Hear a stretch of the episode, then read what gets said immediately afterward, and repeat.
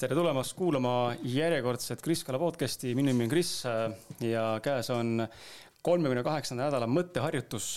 tegemist on siis ettevõtte arendamise kiirem viis, on juhi adekvaatse sisekõne tulemus. nii et kirjelda enda jaoks siis ühte stressi tekitavat olukorda, küsi endalt, mida sa tunned selles olukorras, mida sa vajad selles olukorras ja mis on need lahendused, kui sa oleksid adekvaatne, täis ah,, adekvaatne, vastutustundlik täiskasvanu minu mõtted on tühjad, ma tegelikult haarasin ühe kalendri, mis siin oli ja küsimus on päris hea tegelikult, aga aga tõepoolest, ma haarasin ühe kalendri äh, siit, äh, kus ma praegu salvestan saadet täitsa spontaanselt ja ja teinekord äh, sellised ähm, huvitavad mõttejadad annavad hoopis teise mõtte. mul tekkis teie küsimus, et mul istub vastas siin Marti, tšau. küsin sinu käest, et ähm, et kirjelda enda jaoks ühte stressi tekitavat olukorda ja mis oleks need lahendused või mis on see lahendus, mida sa kasutasid näiteks, kui sul äkki tekib mingi spontaanne praegu mõte või olukord, äh, kus sa siis olid või oleksid adekvaatne ja vastutustundlik täiskasvanu hmm.? see on sihuke äh, sinu kohe liistule panek. ma mäletan väga hästi seda, et äh, minu jaoks olid alati esmaspäeva hommikud tohutult pingelised, tohutult stressirohked. ja, ja mida ma siis ühel hetkel tegin, oli see, et ma et ma kutsusin naise matkale ja me läksime lihtsalt esmaspäeva hommikul, nii kümne-üheteist ajal läksime matkale, selleks, et nagu murda selline rütm ära mm. sest ma olen tähele pannud seda enda pealt ja ka teiste pealt, et, et enamasti stress tekib mingites kindlates olukordades, kindlates rutiinides, kindlatel aegadel ja, ja kui see rutiin ära murda, kas või jõuga minna midagi täiesti teistsugust tegema, siis ärevus on, on ka kadunud tihtipeale et selline väike nipp, mida ma olen enda peal katsetanud ja, ja töötab üli-üli-ülihästi. ehk rutiini murdmine mm. -hmm. ehk siis ei pea olema ilmtingimata jalutamine, võib olla mis iganes ebamugavat või, või mittetavalist. just mm, -hmm. just mittetavalist, jah see on huvitav, see stress, ärevus käivad mõnes mõttes käsikäes ja me täna kindlasti sellest, noh, mõnes mõttes võib-olla puudutame seda ka, aga aga me kohe tegelikult jõuame ka saate, saate teemade juurde ka, ma just läksin väga spontaanselt, võtsin siia kohe juurde siia. aga stress ja ärevus käivad käsikäes ja ma alles hiljuti sattusin äh, äkki see oli Jeff Bezos, kes ütles niisuguse lause, kuskil viskas sisse mulle mingi reels'i Instagramis, et ähm, stress äh, tekib äh, tavaliselt mitte sellest, et kui me palju teeme midagi, kui koormus on suur, vaid sellest, kui midagi ei tee. There is no action.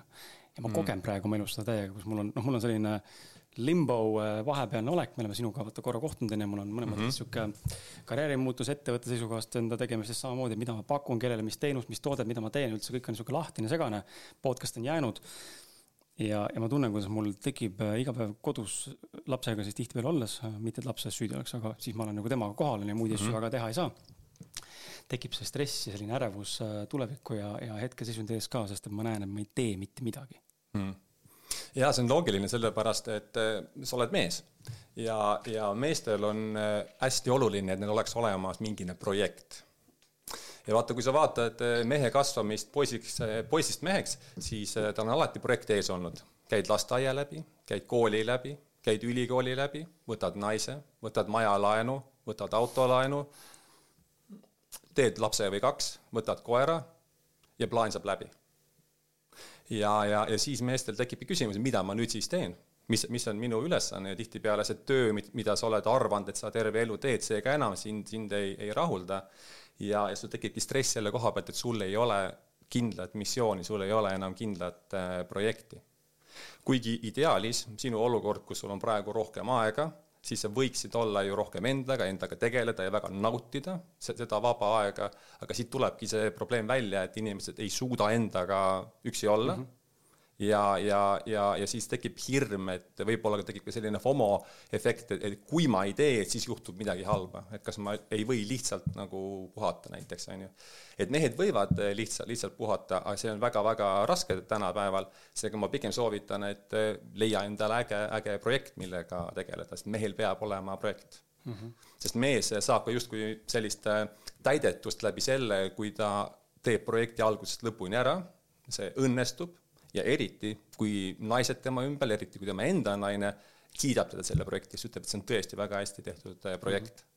et see on üks selline viis, kuidas näiteks kui mees võtab naise poolt armastust vastu või kuidas mees võtab laiemalt siis kogu maailmast armastust vastu, ehk siis läbi selle, kui tema teeb projekti, mis õnnestub ja saab sellele hea peegelduse mm. -hmm. ehk mõnes mõttes nagu niisugune tunnustus või mitte otseselt, noh, võib-olla sõna kiitmine ei ole päris see kandev nagu sagedus, aga jah, see tunnustus võib-olla, et mm, -hmm. et tegid midagi ägedat ära mm, -hmm. kihvt mm. -hmm. aga naistel, kas naistel ei ole, naistel on vastupidi siis või, või mis see sinu nägemus nagu või tunnetus on, et kui naised, mehed peavad justkui olema mingisuguse visiooni või, või eesmärgiga, vastasel juhul tekib selline stagnatsioon ja võib-olla mõnes mõttes zombistumine, onju. Mhm. mitte kõigiga, aga suur osa, eks ole, aga, aga kas naistel on siis vastupidi või nad peaks just olema need koduhaldjad, kes lihtsalt kulgevad ja voolavad ja on ja tiksuvad või sest täna on tegelikult ühiskonnas väga palju neid naisi, kes astuvad väga tugevalt meesenergiasse juba väga jõuliselt. ja seda on tunda, et see nagu kuidagi nagu off mm. -hmm. minu jaoks vähemalt. no, no tegelikult on niimoodi, et tõesti naise selline nagu loomupärane sünniõigus ongi lennelda, nautida, avastada maailma, aga seal on üks klausel, et naine saab seda teha, kui keegi loob talle selle turvalise ruumi mm. -hmm. ehk näiteks kui, kui, kui naine teab, et tema mees nii-öelda on provider ehk ta pakub talle turvalise keskkonna, siis naine julgeb eh, olla voolavam, eh, katsetada, nautida elu, olla ilus, olla, olla naiselik. Eh, aga tänapäeval naised mm, arvavad seda, et nad, et nad peavad ka selle mehe rolli täielikult enda sees täitma ehk et siis äh, naised on näiteks päevasel ajal väga-väga meesenergias, juhivad äh, ettevõtteid, neil on mingid enda brändid ja asjad, ja siis õhtul nad panevad ilusti riidesse ja, ja proovivad sellesse naiselikku energiasse minna, aga võib-olla need shift'id on väga nagu, nagu karmid, on ju, et, et kuidas sealt meesenergiast tulla välja naisenergiasse ja nüüd hakata siis äh, naiselikut elu, elu nautima. et selles mõttes minu seisukohalt on tegelikult küll nii, et, et mehel on nagu üks roll elus ja naisel on teistsugune roll, elus, nad täiendavad teineteist, seal on see imeline koostöö, aga, aga see roll tuleb nagu ära, ära ikkagi valida. ja kõige tähtsam on see, et mis sind õnnelikuks teeb ikkagi mm. -hmm. mis sind päriselt õnnelikuks teeb. ehk et mitte see, mida sa näed võib-olla Instagrami reelside pealt, et, et, et, et seal mingi asi sind inspireerib näiteks, on ju et sa pead tegelikult küsima, et kas see teeb mind päriselt õnnelikuks, kas, kas mind teeb päriselt õnnelikuks, kui ma olen naisena näiteks suure ettevõtte juht ja mul on kakssada alluvat. et, et, et see küsimus, et kas see teeb mind päriselt õnnelikuks ja nende küsimuste vastused saad sa siis, kui sa oled nagu Kris, ehk sul on palju vaba aega, sa ei tea, mida, mida teha, sul tekib palju küsimusi, palju mõtteid ja selles vaikuse olekus, mitte tegemises, lihtsalt puhkuses olles saad sa need küsimused endalt küsida ja saad ka need vastus, vastused enda seest äh, kätte. ja eriti naistel on oluline seda, seda nagu vabadust nautida ja, ja, ja kuulata, mida nad siis äh, teha tahavad. küsida enda käest, mida nad äh, kogeda tahavad. see on huvitav jah, see vaikuses olemine, ma ei tunne, et ma oleksin väga suur vaikuse praktiseerija, teadlik. on ju, et ma ei tee meditatsioone, mind ei ole nad sellisel viisil täna veel kõnetanud võib-olla see õige meetod on leidmata, me ei tea, on ju, võib-olla see ei olegi mulle. ma teen, kirjutan küll päevikut, mitte küll nii tihti, kui ma sooviksin, aga mõnikord see aitab väga mind tuua kohale. podcast'id aitavad tuua kohale, aga siin ma vestlen, on ju, ma ei ole üksinda mhm. päris, kui ma just teen podcast'i üksinda, aga ma avastasin siin alles hiljuti, see natuke kinnitab sinu juttu. mul siin lõppes alles hiljuti äh, üks suurem projekt, millega ma olin seotud, eks ole, pikalt mhm. olnud, mitu aastat. Mm. Ja sellest tulenevalt on siis ka selline mõnes mõttes nagu noh, seisak või, või nagu lahk, lahknevus äh, oma tänases tegevuses ja ma olen üritanud palgatööd otsida kõrvale, puhtalt turvatunde pärast. sest ma olen inimesena tajun ära, et ma olen see, kellele meeldib, et on turvatunne on oluline, mingi X kogus summat, mingi X kogus mingi asi, eks ole, mingisugune tunne, mis sellega kaasneb, et okei okay,, ma lähen siis palgatööd otsima, pole viimased kuus aastat tegelikult ettevõtja kõrvalt, ettevõtluse kõrvalt palgatööd teinud. Lähen otsin, ei õnnestu ei õnnestu, äh, ühtepidi ei võeta mind tööle, teistpidi ei leia väga neid asju, mis pakuvad mulle huvi. saan kuskil intervjuude teistesse, teistesse kolmandatesse voorudesse, lõpuks ikkagi ei. ja siis ma olen nagu enda seas küsinud endalt mitu korda siin viimase, ma arvan, kuu jooksul, et noh, tuleb see küsimus, et mida ma tegelikult päriselt nagu tahan. kas ma tahan minna palgatööle? vastus on selge ei. kas ma tahan olla ettevõtja? jaa. aga on ju, mis on see aga, aga, aga mingid hirmud, mingid muud alateadlikud mõtted ja nii edasi. ja siis ma pendeldan selle vahel, aga ma saan ka aru, et tegelikult suudaks vaid äh, mina ise ja ma arvan, inimesed ka erinevates situatsioonides suudaks nad teha need nüüd selle otsuse, on ju, kindel otsus, et okei okay,, ma ei viitsi enam pendeldada, ma otsustan, et minust, ma jätkan ettevõtjana ja ma leian midagi, mis mul töötab, ma panen midagi tööle. ja lähen seda teed, tohutu ressurss vabaneb on ju selle arvelt, et mm -hmm. ma ei mõtle enam selle palgatöö nii-öelda mingite intervjuude ja mingite CV saatmiste peale, vaid keskendun full on millelegi, mis ma tunnen, et mind kõnetab.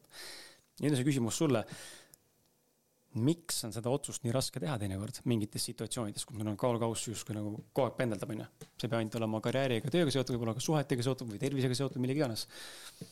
ja, ja minu puhul just ongi see, et see vaikus mõnes mõttes nagu lõi selgust, aga ma ei tee seda otsust lõplikult.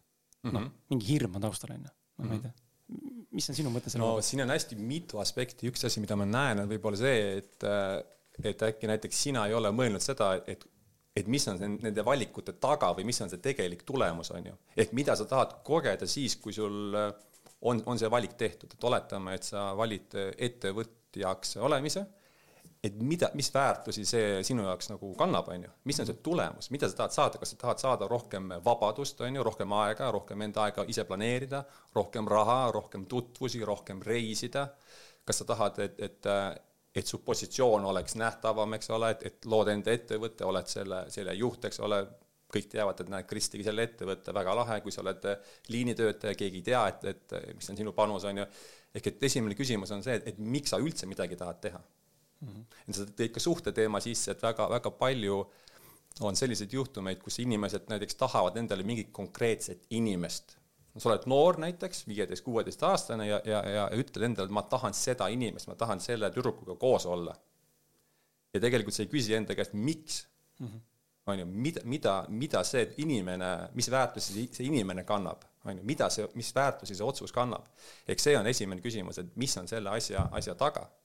Ja, ja selle taga võib olla väga suur elumuutus, mida sa tegelikult siis kardad, on ju mhm et tegelikult on naljakas asi, et inimesed tihtipeale mõtlevad, et nad, et nad kardavad äh, läbi kukkuda, aga tegelikult inimesed kardavad õnnestuda samamoodi, sest ka see on väga-väga suur äh, muutus, on ju. ehk et äh, inimesed ei julge isegi endale ette kujutada, et milline on nende elu pärast seda, kui see projekt on õnnestunud. Kui ma olen selle naisega abielus, milline mu elu siis on kui ma olen selle ettevõtte loonud, selle projekti käima tõmmanud, milline mu elu siis on, inimesed tegelikult ei julge sellele ka otsa vaadata. sest see on ka hirmus, kuna ta muudab noh, väga palju sinu, sinu elu, on ju. Mhm. nii suhteid ümber, ümber olevaid kui just, ka finantsi võib-olla. just, just, just, just. see on huvitav, seda on paljud viimasel ajal ähm, äh, teemana esile toonud just seda poolt, et me teinekord kardame ka seda edumeelsust või seda, mis mm, -hmm. mis see positiivne, mis endaga kaasa võib mm -hmm. tuua. See, praegu mõtlen selle peale siis noh, sind kuulates tekkis nagu küsimus endalt ka, et mida ma siis nagu võib-olla kardan, onju. ettevõtjaks olemise juures, et mida ma nagu seal kardan, et ma ei kujuta ette, esimene mõte on see, et tuleb pähe, et oletame, kui on suur summa raha, oletame, äkki, ma ei tea, onju, äkki.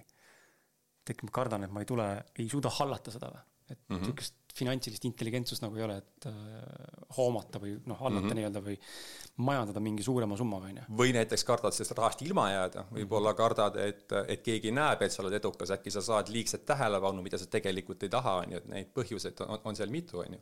aga, aga see on hästi huvitav, et, et tegelikult äh, siin me jõuame ka sellise nagu ühe huvitava sõnani nagu energia ja, ja, ja, ja see süsteem, mida, mida mina järgin, jooga ja tantra et seal on energia on, on kesksel kohal. ja, ja tegelikult on point selles, et inimesed ei ole valmis mingit energiat vastu võtma, kas see on positiivne või, või, või negatiivne mm, -hmm. sest kui mingine väga suur elumuutus äh, juhtub, siis see energia muutus on nii suur, et sa ei saa sellega lihtsalt hakkama et kas või näiteks tähelepanu on, on energia, eks ole, raha on energia. ja kui seda energiat tuleb liiga palju, negatiivset või positiivset, sellega tuleb tegeleda, sa pead selle kuidagi suutma vastu võtta, kuidagi seda, seda muundada, kasutada. ja, ja selle taga on alateadlik hirm, et kui see projekt kas ebaõnnestub väga hullusti või, või väga suurepärasel äh, kujul õnnestub, siis mul tuleb midagi teha selle energiaga, mis, mis sealt tekib. ehk siis see on, äh, sa piltlikult öeldes tahad äh, öelda selle mõttega seda, et on teatavad kogemused, äh, ütleme siis energiaks, teatavad kogemused, äh, võib-olla tunded, situatsioonid, olukorrad, mida me ei ole võimelised mingil põhjusel täna enda kehas kandma, mhm, integreerima mm. -hmm. aga mis see lahendus on siis, kuidas siis saab?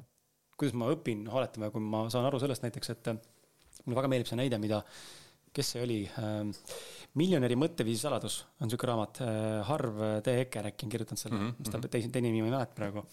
Tema ütles seal väga huvitavalt seal raamatus, et äh, igal inimesel on nagu noh, ta rääkis finantsidest, eks ole, ma toon selle näite et äh, igal inimesel enda nii-öelda nagu mõnes mõttes sissetuleku või, või raha nii-öelda sagedus või selline platoo on ju, mida ta suudab mm -hmm. nagu hoida. me lähme, võime sealt minna kõrgemaks korraks, aga me tuleme tagasi alati alla, on ju, kas me kulutame lollist ja kaotame selle ära või mis iganes juhtub, on ju, me ei, me ei saa nagu minna üle selle selle võimekuse, mis on justkui meile antud mingil perioodil nagu käes olemas või integreeritud ja omistatud, onju. ja ma enda elus näen sama asja väga relevantsena praegu, see on mm. küll ajas kasvanud, aga ta ei lähe niimoodi, nagu ma loodan hüppega, et oh, täna võiks mm -hmm. olla mill. Mm -hmm.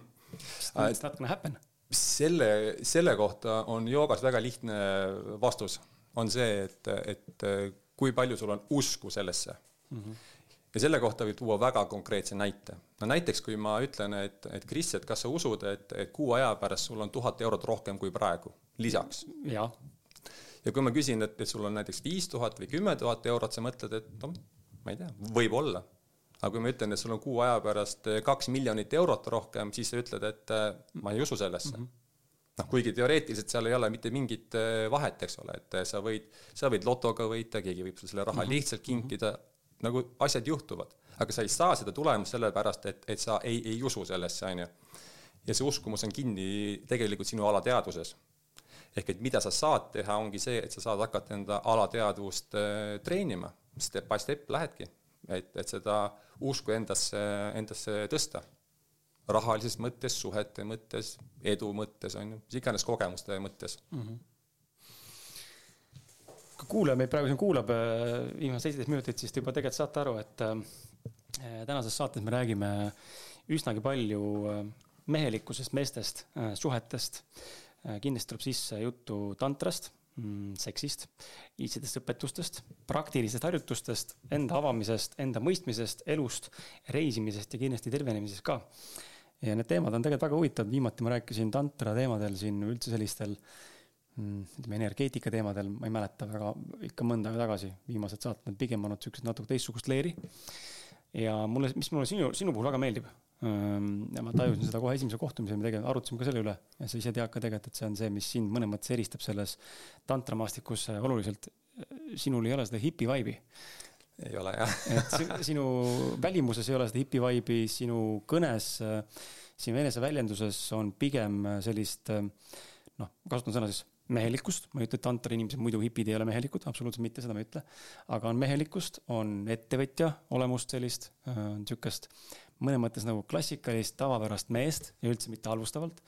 Ähm, ja seal on null seda hipi või hipsteri või spirituaalsuse hõngu, mis mulle väga meeldib, sest mulle endale samamoodi, ma ilmselt väga tihti inimesed arvavad, et ma ei tea spirituaalselt mitte midagi mm. -hmm. ma ei räägi eriti sellest ähm, aga ma olen tegelikult viimased neliteist aastat uurinud, lugenud, puurinud, äh, praktiseerinud küll vähe, ma olen see mees, kes on pigem läinud väga info peale ja ma mm -hmm, katsetan mm -hmm. mingeid asju, kui tõesti kõnetab. aga mulle nii meeldib see, kuidas inimesed äh, tihtipeale eelarvamustega eksivad. et ah, ta nagunii midagi ei tea. ja siis teed suu lahti, siis vaadatakse nagu, et kukub see karp lahti põrandale niimoodi ja sinu puhul on sama lugu, et ma tahaks viia sind natuke tagasi sellesse äh, teekonda. Äh, me jooksme nagu selle jutuga tänasesse päeva ka siia laua taha uuesti tagasi, siis saaks hakata teemasid lahkama edasi. sest muidu läheb liiga tiiviks, aga ma tahan ise kuulda sinu back story't natukene ja ma tahan, et kuulaja kuuleks ka seda ja võib-olla sealt midagi nagu rullub lahti sinu puhul ka, kui me seda siin koos lahkame et mis on see sinu, sinu tee olnud, ütleme, tantramaailma, sest ma tean, et see on väga suur osa sellest, mis sa täna teed, kes sa täna oled. see on sind väga palju mõjutanud äh, nii erinevatel viisidel et äh, mis sind köitis, kuidas sa sinna jõudsid, milline olid sa enne seda, kes sa oled täna hmm.? sihuke, hakka kuskilt pihta, vaata, kui laialt hmm, tahad hmm. rääkida.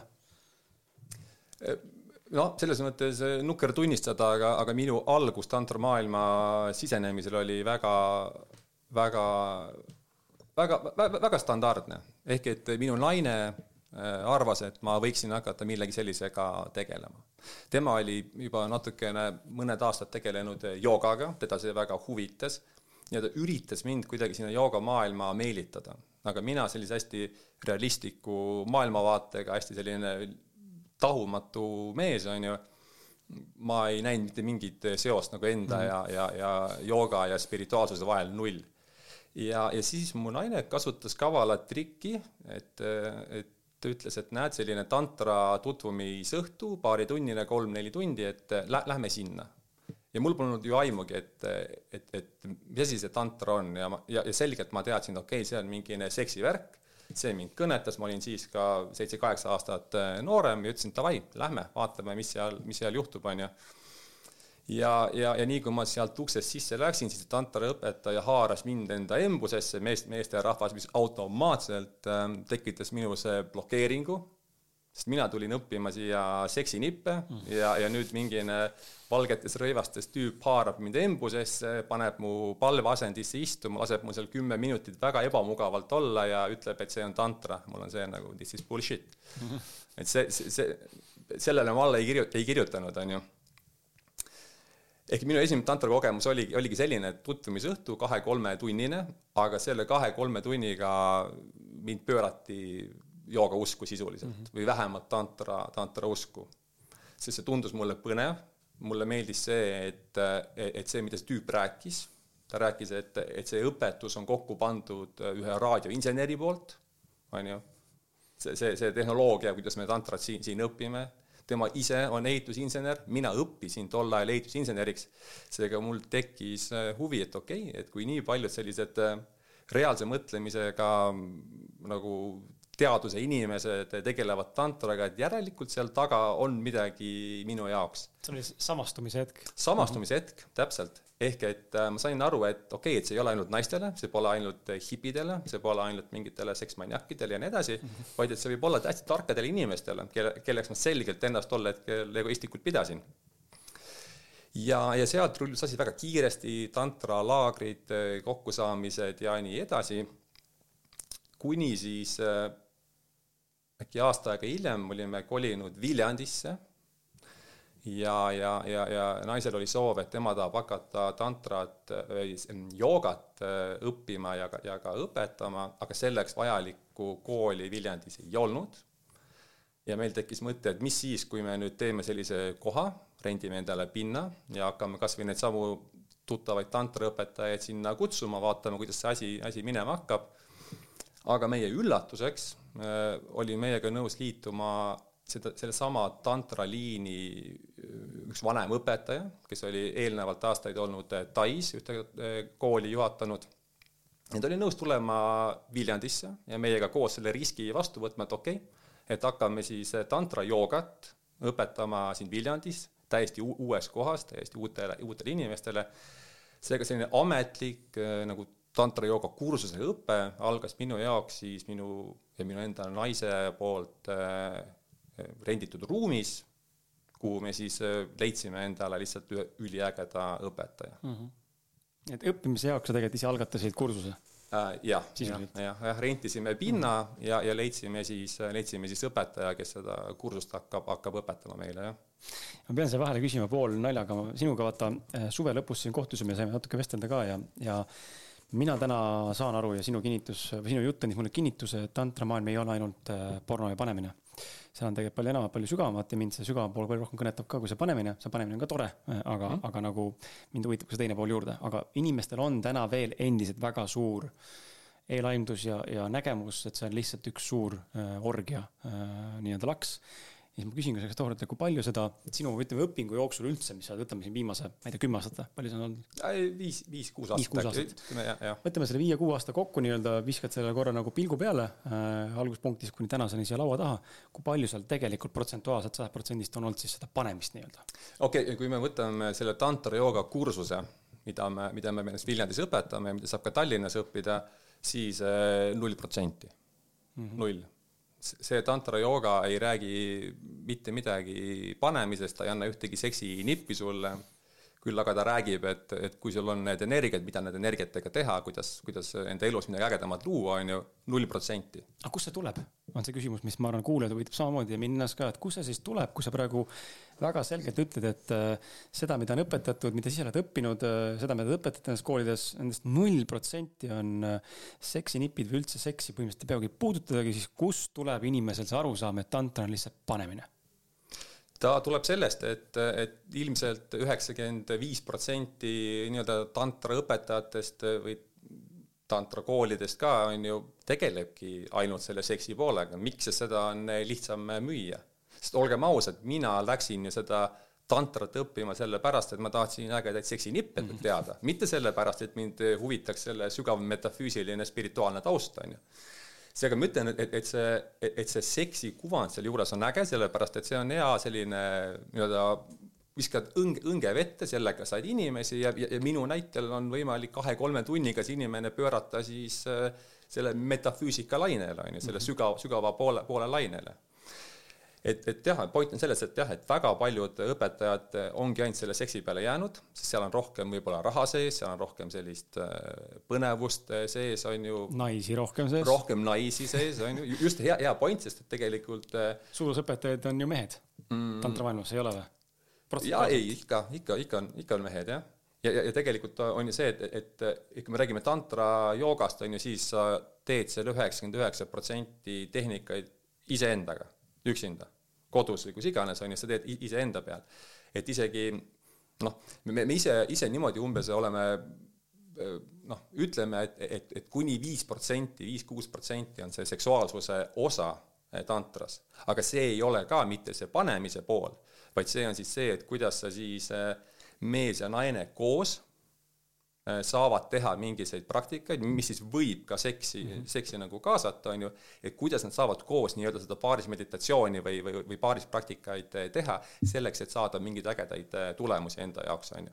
ja äge tulemus ei ole see, et me õppisime uue seksinipi ära, vaid see on näiteks teadvuse avardumine või, või mis iganes muud, muud nagu soovid inimestel on või muud eesmärgid ja tihtipeale tegelikult äh, me ju kõik teame seda ja, ja vaata, see on mõnes mõttes sihuke klassikaline kuld, et me teame seda, aga see on see paradoksaalne pool ka, et äh, teatud asju, mida me teame, aga me ei ela nende järgi, on ju, et mm -hmm. sama asi, kui me tegelikult ju teame inimestena väga hästi, et meie mõte loob meie reaalsust mm, -hmm. me saame tänasest aru, seda on tõestatud meile. aga ometi me ei kasuta seda mõtet, teadlikku mõistust ja alateadlikku ütleme siis võib-olla pro-, programmeeri-, ümberprogrammeerimist mm. -hmm. sellisel viisil, et see toetaks siis meie elu erinevaid valdkondi, olgu ta siis rohkem raha või ma ei tea, ilusamad reisid või, või mm -hmm. ilusam kodu, on ju, või parem naine või parem mees või mis iganes veel keegi tahab saada. et me nagu teame, aga me ei tegele sellega mm. -hmm kui sa peaksid kokku võtma nüüd, minema tagasi korraks enda sellesse, ütleme esimesse koolitusse, mida te Viljandis looma hakkasite ja ma saan aru, tänaseni on see siis veel kehtiv ja aktuaalne ja, ja aktiivne. tasemekursus, jah. tasemekursus. nüüd too nagu näide või näited sina algajana, võhikuna, mida sa selle kursuse jooksul siis õppisid ja püüa vastus anda äkki sellisel viisil, et kuidas see sind mõjutas, mida sa õppisid, mingid suuremad tähelepanekud, taipamised ja niimoodi just sellises kontekstis, et kui inimene, meid täna kuulab ja mõtleb, et okei okay,, ma kuulan, mis ta siis räägib, mis ta õppis seal, et ta samastuks ja ta saaks nagu aru sellest. Ja mitte ma ei mõtle, et see on nüüd müügikoht, eks ole. Mm, -hmm. tore, kui inimesed tulevad sinna kooli ja seda katsetavad ja läbi teevad, see on väga tore ja mõnes mõttes on see mu eesmärk ka. aga ma pigem tahan, et inimesed saaks nagu aru sellest, et mis on see sügavam, sa ütlesid metafüüsika on ju, või, või see mõtte, mõt-, mõtle, mõt-, teadmise avardamine on ju, mis see, mis on see, mis sina sealt kaasa said, olles võhik, täiesti newbie, rookie? Et inimene, kes täna kuuleb esimest korda seda sõna tantra või on varem kuulnud, aga pole aru saanud kontseptsioonist, nüüd sind kuulates saaks aimu, et aa, okei okay,, see on päris põnev. et mis sa õppisid sealt, mida on sealt kursustelt üldse oodata, selliste kursustelt? mis taipamised tekivad inimestel siis mm,? no siin võib-olla võtame kaheks lahti, et, et üks asi on siis äh, joogakursus, mida me, mida me teeme seal mm, Viljandis ja teine on siis äh, Spirit Hubi brändi alt tehtav äh, tantra nagu liin, mida me teeme peamiselt internetis. et joogaga ma, joogaga ma sain tegelikult ma sain, äh, esimest korda küsisin, et kes ma ise olen. ja kui ma hakkasin küsima, kes ma ise olen, äh, siis ma sain selle vastuse alles võib-olla kaks-kolm aastat äh, hiljem ja ma, ja ma, ja see vastus oli, et ma olin mehe kehastuses vinguv, solvuv naine mm. hädadega teisi süüdistav, vastutust mitte võttev, vinguv, nukker, kibestunud, väike tüdruk justkui, on ju. ja, ja, ja väliselt ma siis tahtsin nagu äge olla, eks ole, ja, ja käia pidudel ja olingi nagu ilus ja tore ja, ja, ja seltskondlik, on ju, ja sisemiselt äh, mitte mingit äh, sihti, on ju, mitte mingit äh, mehelikkust, mitte midagi sellist. ja, ja tantra joogas on asi väga nagu äh, selles mõttes ta on natuke nagu must ja valge, ta on yin ja yang, ta on pluss ja miinus, ta on mees ja naine, ta on alati on seal need kontrastid sees, on ju. ja, ja siis ma saingi aru, et, et, et, et see mehe pool minus täielikult puudus, kuna tantra jooga hakkas nii selgelt eristama, et need on naiselikud energiad, need on mehelikud energiad, on ju, sa hakkasid seda oma teadvuses aru saama, sa hakkasid seda praktikas kogema, ehk et mina, mina sain aru, et kes ma siis, kus ma praegu olen, esiteks, et ma ei ole praegu mehelik. ja ma ei võta vastutust oma tege-, tegu, tegude eh, tagajärgede eest, on ju. ja teistpidi ma sain endale väga selge sihi, kuhu liikuda, ehk kui mm. mina olen mehena sündinud, siis eh, mul on väga selge siht, kuhu edasi minna. et ma ise ütleks niimoodi, et, et tantra on justkui sada protsenti teaduslik. lihtsalt, et, et teadus ei ole äh, veel kõiki aspekte lahti muukinud või, või ei oska paberi peale panna, et noh, kvantfüüsika hakkab juba väga sinna, sinna liikuma koos multiversumite ja mm, -hmm. ja mhm. kõikide asjadega, eks ole, ja ja, ja nii edasi. et, et mulle meeldib see, et, et see süsteem on, et on süsteemne, sa hakkad nullist pihta, defineerid ära, kes sa praegu oled, kus sa praegu oled ja sa tead, et see, seda süsteemi järgides sa jõuad sinna sihtpunkti, mida sinu sisemine mina tegelikult tahab, mida sina tegelikult tahad. ehk see vaikuse hetk, kui ma küsin, milline minu elu peaks olema ja saad selle vastuse, siis tantra annab sulle tööriistad, et sinna kohta jõuda mm. -hmm. väga loogiline, step by step, on ju, väga hästi põhjendatud ja mis kõige tähtsam, et äh, enda peal läbi katsetatav, sada protsenti kogemuslik. nagu ma ütlen igale mehele, kes minu juures käib, et äh, ära usu mitte midagi, mida ma räägin see ei ole see point, point on see, et tee praktikad ära, vaata, mis sinu peal toimib ja siis äh, hinda selle, selle süsteemi tulemuslikkust. et minu jaoks on hästi-hästi oluline see, et ja, ja mis võib-olla mind ka eristab paljudest äh, mm, meesõpetajatest, meesjoogaõpetajatest või mehelikkuse mentoritest, on see, et äh, et mina ütlen, et minu isiklik kogemus on väga tore aga minu isiklik kogemus on väga piiratud, minu endaga piiratud, seega oleks äärmiselt rumal äh, panna minu enda isiklik kogemus kokku näiteks mingisuguseks kursuseks ja öelda, et nüüd, Kris, sina tee samu asju, mis mina tegin. ja, ja, ja saad sama tulemuse, no et seda, seda, seda ma ei näe. Ja sellepärast on tantra nagu üliäge, on ju, et see struktuur, mis mul olemas on, et, et ma saan öelda, et okei okay,, see minu peal ei toiminud ja võib-olla ma isegi pole seda katsetanud, kuna ma tean, et see minu peal ei toimi, aga Kris, kui ma sind vaatan, sinu nii-öelda parameetreid, karakteristikuid vaatan, siis sinu jaoks võiks see, see praktika sobida ja anda sulle tulemused, mida, mida mina nendega kunagi ei saaks. see on nagu, ma arvan, hästi ühtepidi õilis ja, ja teistpidi jälle sihuke noh, mina ütleks, et õige või õiglane mitte, sest väga paljud teevad just seda, mis sa kirjeldasid, onju. väga paljud coach'id, väga paljud terapeudid, väga paljud äh, nii-öelda mingisugused gurud, eks ole, või mingisugused äh, praktika äh,, praktikameistrid nii-öelda, et nad pakuvad sedasama, mis neil töötas teistele inimestele, mõnes mõttes isegi suruvad seda peale, onju, ainsa kondikavana, see ei pruugi töötada, siis inimesed ei tule tulemusi, lõpuks ütlevad, aa, see tantra ei tööta, see on pask mm. -hmm. näiteks jah. et noh, okei okay,, aga. aga tead, mis selle taga on või? selle, selle taga ongi see, on ju, et äh, et mida tanter õpetab, et tanter õpetab sul selgeks, et kuule, näed, maailm töötab nii. reeglid on sellised, tööriistad on sellised ja sina vali need äh, tööriistad sa saad justkui nendele aabitsa manuali kaasa, kuidas, kuidas elada näiteks mehena, on ju. aga kui sa vaatad näiteks neid koolid, võtame näiteks siuksed asjad nagu, ma ei tea, Kella viie klubi, on ju, selline raamat ja kogukond mm -hmm. ja särgid ja värgid, on ju. tantra tegeleb muuhulgas ka näiteks astroloogiaga. seega me, me, me teame, et kindlatel äh, kellaaegadel, kindlatel kuupäevadel on mingisugused kindlad mõjud, on ju. ja see kella viie klubi ülihästi läheb tantristliku loogikaga kokku. küll see kellaaeg ei ole täpselt kell viis, see aeg on natukene Tartus erinev, kui on Tallinnas mm, -hmm. ja, ja, ja noh, rääkimata teistest riikidest, on ju, ja see aeg muutub iga päev, ta ei ole täna sama, mis, mis ta oli eile, on ju. aga ta põhimõtteliselt sobib ta põhimõtteliselt sobib, et kui sa teed seal kella viie paiku mingisuguseid eh, tegevusi, mis on sulle olulised, siis see toob sulle parema tulemuse.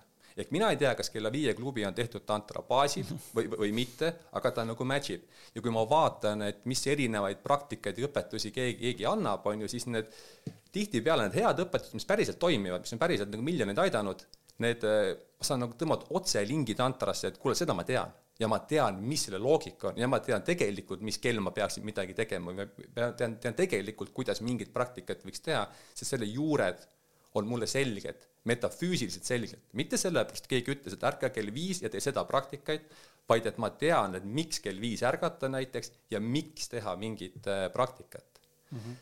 ja, ja, ja ongi see, et äh, et, et tihtipeale sa näed seda ka, et keegi ütleb, et, et tee seda praktikat, sest see on nagu game changer, sellega sa teed oma, elu, elu lõpuni ära.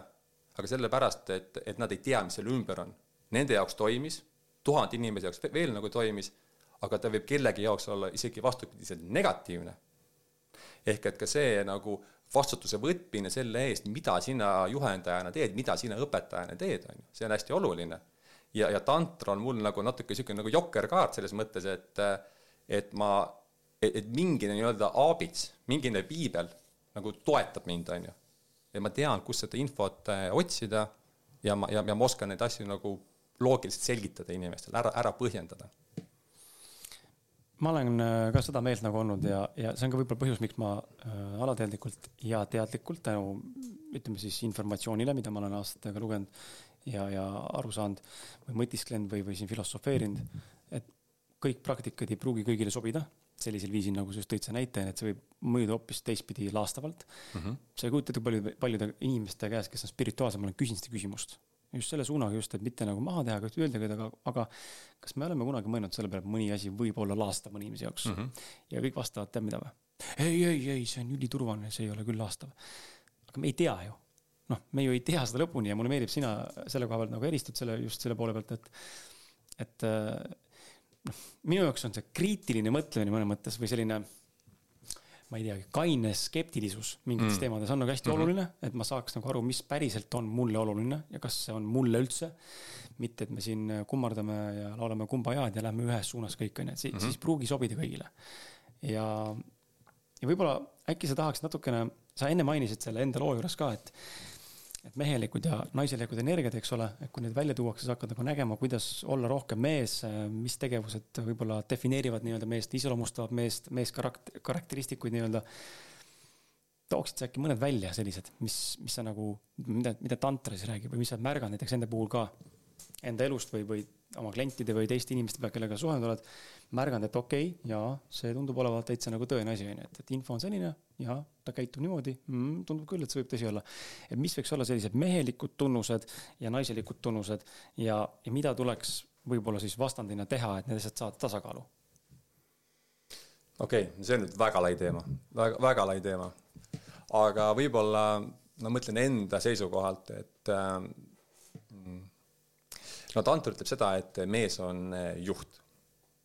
mees on, mees on karja, karja juht, on ju, ja mees võtab selle eest vastutuse, et ma alati toon meestele sellise näite ka, on ju, et et, et vanasti oli, olid meil koopad, eks ole, naised elasid koobastes ko koos lastega ja mees siis võttis kamba, kamba mehi kokku ja läks piisoneid küttima, on ju.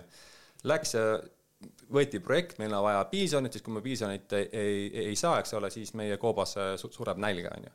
mehed läksid, neil oli missioon, neil olid tööriistad, tõid selle piisoni koju, naised olid õnnelikud, naised tahtsid nendega seksida, sellepärast et mees oli provider, mees täitis enda, enda rolli ära ja kõik olid, olid õnnelikud. Ja mees oli õnnelik, et kuule, naisele meeldis see, see piison, ta selle eest andis mulle mingit tähelepanu ja hellitusi ja, ja nii edasi, järelikult see süsteem nagu toimis, on ju seega tantra mõttes mees on, on juht.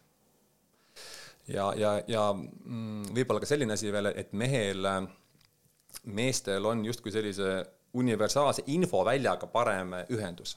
seega mehed, kui on vaja midagi välja mõelda, siis mehed on selleks paremad. ma toon sellise näite oletame, et selline olukord, kus külmkappi veel olemas ei olnud, naine toimetab kodus, ütleb mehele, et kuule, et toit läheb vanaks ja mees ütleb, et okei okay,, et mis, mis me siis, mis sa siis soovid ja siis naine hakkab kirjeldama, et ma tahan sellist nagu asja, kuhu ma saaks panna enda toidud sisse ja kuidagi, et, et, et ta püsiks seal külmana, eks ole, ja oleks mingi riiul, et ma saaks paremini asju sorteerida. ja mees ütleb, et okei okay,, selge, ma sain enda parameetrid kätte, nüüd ma võtan selle infoväljaga ühendust, eks ole, ja buum, disainisin külmkapi, on ju. ehk point on see, et meeste häda on see, et mehed ei näe neid maailma detaile mehed ei näe, mis kodus on valesti, mehed ei näe, kui, kui laud on sega, segamini või kui korter ei ole kaunistatud en, enne jõule. Ja mees ei näe ka seda, mis külmkapis on. ma arvan, et iga mees võib sellega samastuda, et, et, et ta on küsinud enda naise käest, et kus on ketšupi pudel. Ja naine ütleb, et see on selle kirstomatite ja, ja apelsinide vahel sinu vasaku käe juures, kuidas sa ei näe seda, aga vot mehed ei näegi, sest me, meestel ei ole nagu sellise nii-öelda päris reaalse maailmaga nii head kontakti kui, kui naistel.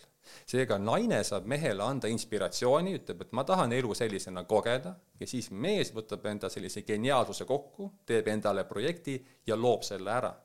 seega mm, mehele on vaja anda ette nagu parameetrid mida naine tahab kogeda või mida mis iganes inimene tahab kogeda ja mees on suurepärane selle projekti läbiviimisel. naine loomupäraselt ei ole suurepärane projekti läbiviimisel, aga, aga ta on suurepärane selle projekti kirjeldamisel, selle kogemuse kirjeldamisel. sest naine tahab elu nautida, tal on vaja mm, paremat külmkappi, seega ta suudab kirjeldada mehele, millist elu ta tahab nautida ja mees suudab selle ära luua aga toome nagu näite, et kas siis äh, oletame äh,, lihtsalt toon sulle mingi stsenaarium, et kui on äh,, no selge on see, et täna ei ole kõik mehed ei ole need, kes suudavad kohe provide ida. minul täna on selline seis, kus ma tunnen, et kurat, kas ma suudan nagu lõpuni provide ida. et äh, ja see on nagu kõikunud ajas, onju, vahepeal läheb paremini, vahepeal läheb kehvemini, onju, täna on nagu koht, kus naine peab toetama. kas ma tahan seda või? ei, tegelikult tahaks ise nagu võimaldada kõike, onju. kas siis ma ei ole piisavalt mees või? või mis takistab provide imist, see on see koht, mis ma tahaks küsida enda seisukohast ja kindlasti ma mõtlen, meie kuulajad kuulavad ka, onju. et kui me siis suudame nüüd teha seda, ma ei tea, olgu ta siis mingit äh, reisi või, või naine tahab seda uut külmkappi uut televiisorit või paremat diivanit või mis iganes, mis iganes need on või naise seisukohast mingi oluline asi või. et kui mees ei suuda seda võimaldada, kas ta on siis kohe kehv mees ja peaks äh, maha jätma ja otsima endale nii-öelda uue mehe, kes suudab seda provide ida äh, et me vaatame ainult siis nii-öelda selle poole pealt, kas tal on see materiaalne pool olemas ja see ta-, teotahe ja, ja drive asja tuhinad ära teha või on seal ikkagi mingi teine dünaamika, et naine peaks tegelikult või noh, võiks kuidagi koos kasvada, koos toetada. Või kuidas seda nagu dünaamika mm. mõistes, kõik mehed ei ole ühesuguse drive'iga? ei ole, ei ole, ei ole ja, ja, ja tihtipeale on ka see, et, et sa tõid praegu nagu väga materiaalsed näited, et, et justkui naine nõuab hästi palju asju ja sina mehena tunned, et sa ei suuda seda ära teha, eks ole ja selle taga on, on ka see mõte, et oota, aga kas ma pean neid kõiki asju tegema, kas see on nagu providing mm, -hmm. kas see on nagu naisele pakkumine, kui ma lõputult tema mingisuguseid materiaalseid ihasid täidan või on küsimus selles, et teie suhtes on midagi pekkis, mhm. on ju, et teie suhe ei toimi ja, ja siis, et, et kompenseerida neid valusid või probleeme, mis suhtes on, siis äh, naine teeb seda, mida tema kõige paremini oskab. et, et nagu ta tahab enda ellu saada ilu ja, ja sellist küllust mm -hmm. juurde, on ju ja kui sina mehena ei oska talle muus mõttes seda turvalist konteinerit eh, pakkuda, on ju. mis see muu mõttes oleks siis, emotsionaalne tugi või? no emotsionaalne mm -hmm. tugi, eks ole, kas või see, et, et kas, kas naine saab sinuga rääkida mm, -hmm. Kas te nagu üldse olete kunagi istunud diivani peale ja, ja, ja mehe initsiatiivil eriti veel ja näiteks öelnud, et kuule, et eh, räägime need asjad läbi. räägi, räägi, mida sa tahad kogeda, räägi mulle, mis sulle meeldib, räägi, mis sulle ei meeldi, on ju. et näiteks selline pool, on ju. ja võib-olla naisel ainult seda, seda oligi vaja ja mis siis võib juhtuda, on see, et, et see naine mm, on nii äh, õnnelik, et mees temaga selle, selle aja, aja nagu maha võttis, kuulas ära, mida, mida tahtis oma mehele rääkida. ta on nii õnnelik, et ta hakkab inspireerima enda meest tegelike projektide suhtes, on ju. ja, ja nagu öeldakse, et, et, et, et kõik, iga, iga nagu võimsa mehe taga on, on, on see võimas naine, on ju, ja see tähendab just seda, et mit, mitte, et see naine kuidagi kontrolliks seda meest, vaid et see naine nagu tohutult inspireerib seda meest. ta annab talle inspiratsiooni, et mees üldse hakkaks midagi tegema ja kui mees on selle projekti lõpuni viinud, siis see naine kiidab teda südamest, sest ta tahab kiita selle mhm. projekti õnnestumise eest. ja see on nagu, nagu see toimiv dünaamika, on ju. ehk et, ehk et natuke nagu surnud ring, on ju, et et naine ütleb, et siis ma armastan sind, siis ma tunnen ennast turvalisena, kui sa provide'id mulle mingi hunniku raha ja mingi hunniku reise, on ju, aga mees ei saa seda pakkuda, sellepärast et, et see naine ei inspireeri teda, et see naine on justkui selles mm, nagu lack energy või tal on nagu puudu, puudu millestki ja mm, -hmm. ja, ja ta ei inspireeri seda meest ja mehel on see, et aga mille, mille pealt ma, mille pealt ma loon seda projekti, mul ei ole lähteandmeid, mul ei ole inspiratsiooni, ma ei saa aru, mida, mida sa, mida sa tahad, on ju, miks sa tahad seda kahtekümmet tuhandet eurot kuus, on ju, ma ei saa aru sellest. ja, ja niipea, kui mees saab aru, mida naine tahab kogeda, niipea kui, kui naine teda ausalt oma meest inspireerib, siis mees läheb ja teeb selle projekti ära. ja, ja seda tehes ta muutub äh, automaatselt mehelikumaks mm. -hmm. naise jaoks ahvatlev. ja naise jaoks, naise jaoks ahvatlevamaks jah, et äh, võib-olla, mis on nagu hästi oluline just, äh, miks on see, miks on mehelikkus ja naiselikkus hästi oluline, ongi see, et, et see on väga, väga füüsikaline printsiip. See on äh, pluss ja miinus, mida erinevad, erinevamad see pluss ja miinus on, seda suurem on külgetõmme. ehk et selleks, et, et et suhe hakkaks paremini toimima, isegi mitte pole suhe tähtis, sellepärast et sina hakkaksid mehena paremini toimima, siis sul tegelikult on vaja seda mehelikku potentsiaali laadida. ja selleks, et sina naisena saaksid elu nautida, sul on vaja seda naiselikku potentsiaali laadida. praegusel hetkel. Vanasti, mõned tuhanded aastad tagasi see ei olnud probleem, siis me ei tegelenud ekstra mehelikkuse ja naiselikkuse laadimisega. sest et eh, mida tantra tähendab, tantra tähendab äh, nagu võrku või nagu lõimumist, põhimõtteliselt nagu sa võtadki plussi ja miinuse, mehe ja naise ja paned selle kokku, tantra ongi see ideaal, see kokku pandud, et ei ole plussi, pole miinust, on nagu null, nagu noh, ideaalsus, ringi kuju, ideaalne. et tegelikult tantra liigub selle, selles suunas, on ju, et et, et suhtena oleks, oleks see lõimumine sada protsenti, aga ka su enda sees oleks tasakaal sada protsenti aga praegusel hetkel ja kuna tantra on väga kaasaegne teadus, käib alati ajaga kaasas, siis praegusel hetkel on vaja mehi suunata mehelikkuse suunas ja naisi on vaja suunata naiselikkuse suunas.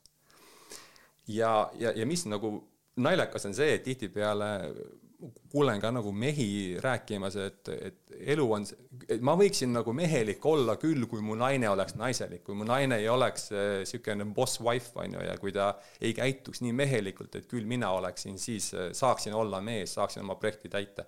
no see ei toimi, on ju. minu enda praktikal see, see, see ei toimi. ehk et sa ei, näiteks ka suhtedünaamikas sa ei saa suruda naist naiselikuks, kui sina ei võta vastutust mehena ja ei hakka tegema mehelikke tegusid. ehk et ta käib alati nii, niipidi, et, et mees peab äh, võtma selle projekti, mees peab hakkama endaga tegelema ja siis naine justkui äh, muutub harmooniliselt ja automaatselt tema kõrval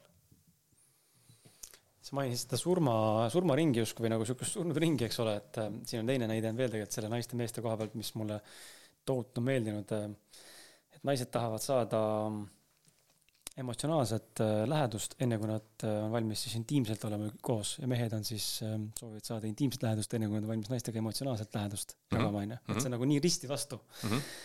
ja, ja siis tekib alati see küsimus, onju, et noh, et see, see näide loob selle küsimuse. kumb annab enne järele?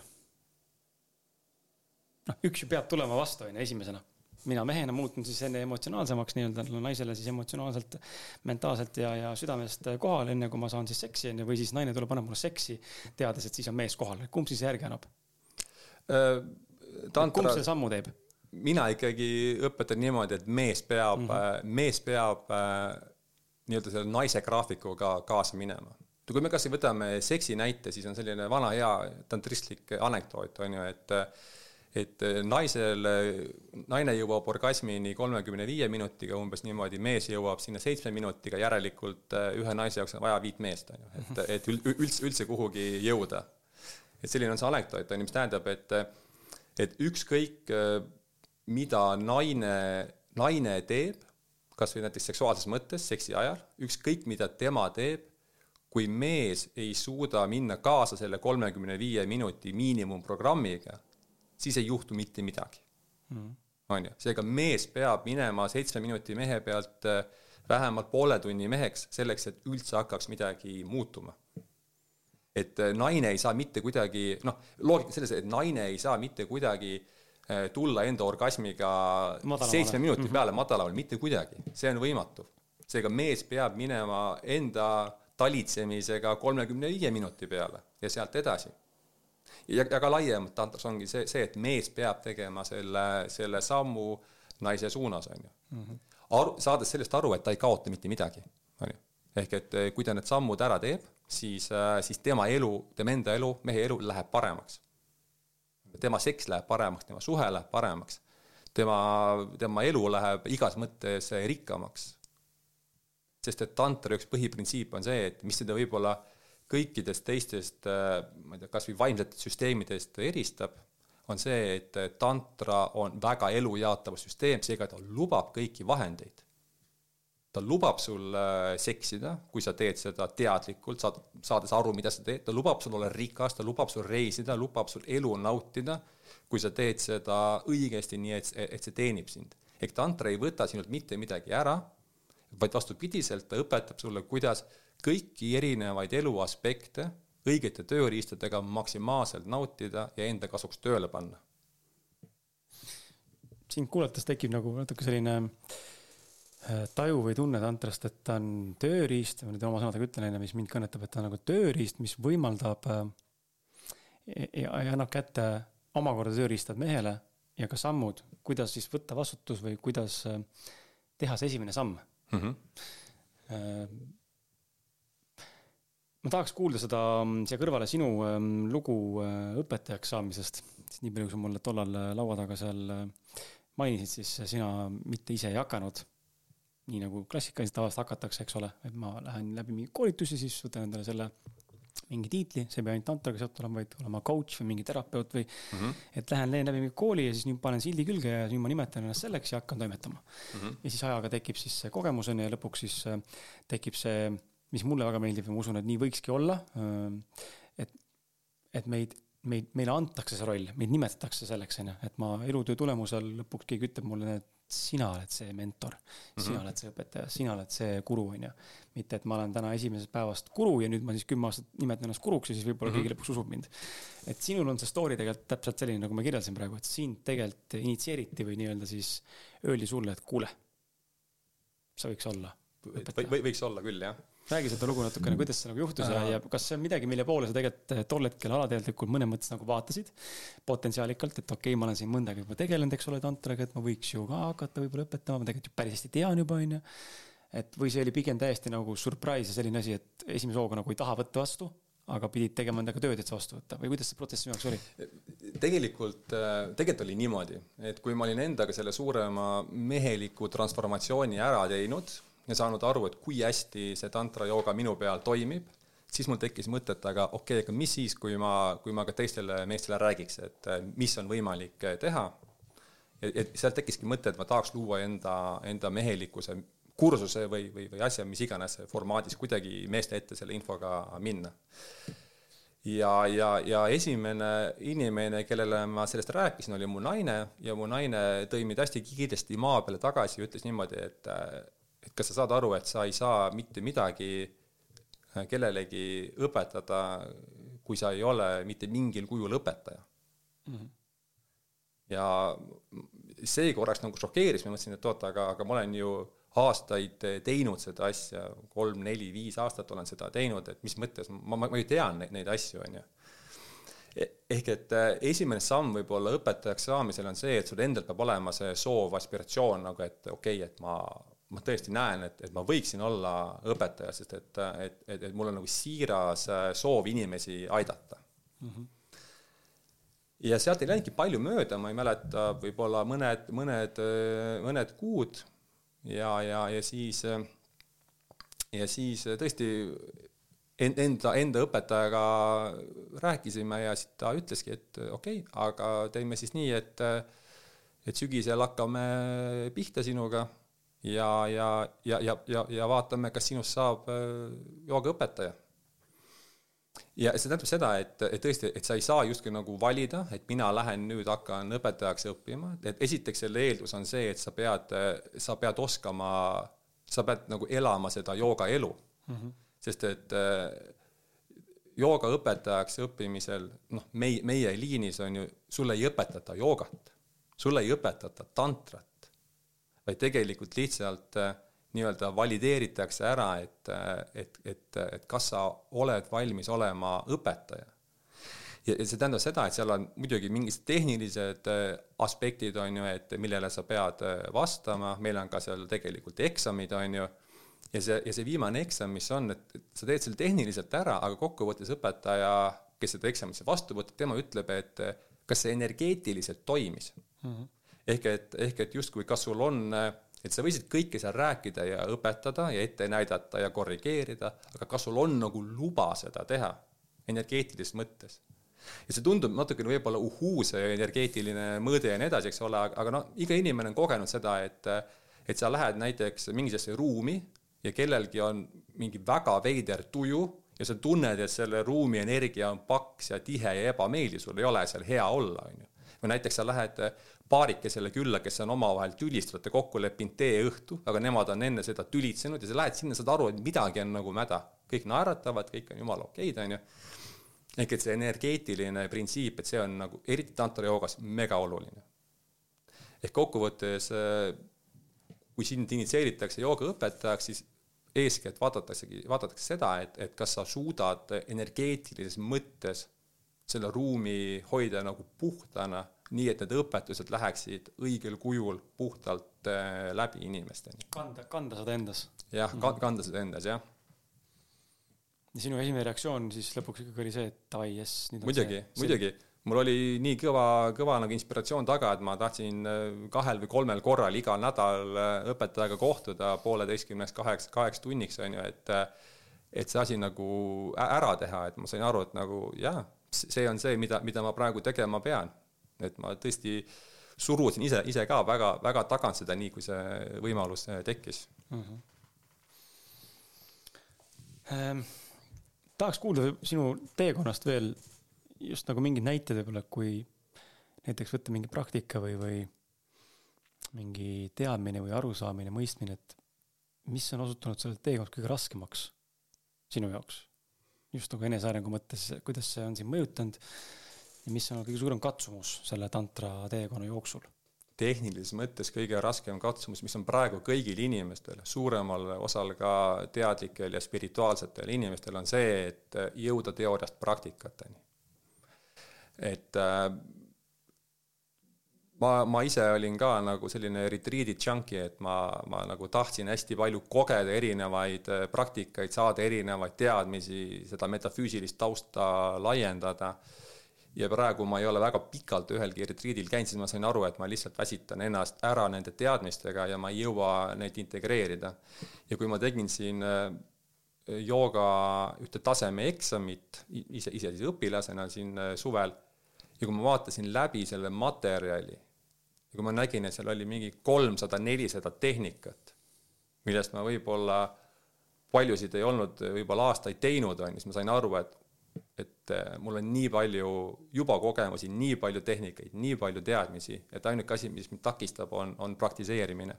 ja, ja, ja, kui mina mehi õpetan ka, ma ütlengi, et nagu, nagu ma enne rääkisin, et ära kuula, mida ma räägin, vaid lihtsalt nagu ära usu, mida ma räägin, tee praktikaid, katseta, tee praktikaid ja, ja siis sa saad nagu äh, areneda, esiteks, siis sa saad nagu ka, ka küsimused äh, enda kohta, et mida ma üldse tahan ed-, edasi teha, on ju, ehk kõige raskem on see, et nagu päriselt teha mingisuguseid äh, praktikaid.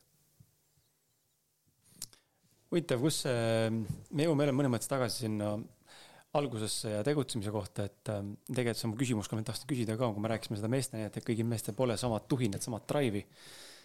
kas loomupäraselt või siis mingil põhjusel mingil etapil on seda vähe? mina täna tunnen, et mul see drive on äh, tänasel etapil palju väiksem, kui ta võib-olla oli paar aastat tagasi. Ma tunnen, ma olen, ma olen siin mõne inimesega suhelnud ka ja küsitakse, kuidas läheb. noh, siis ma saan nagu öelda, et,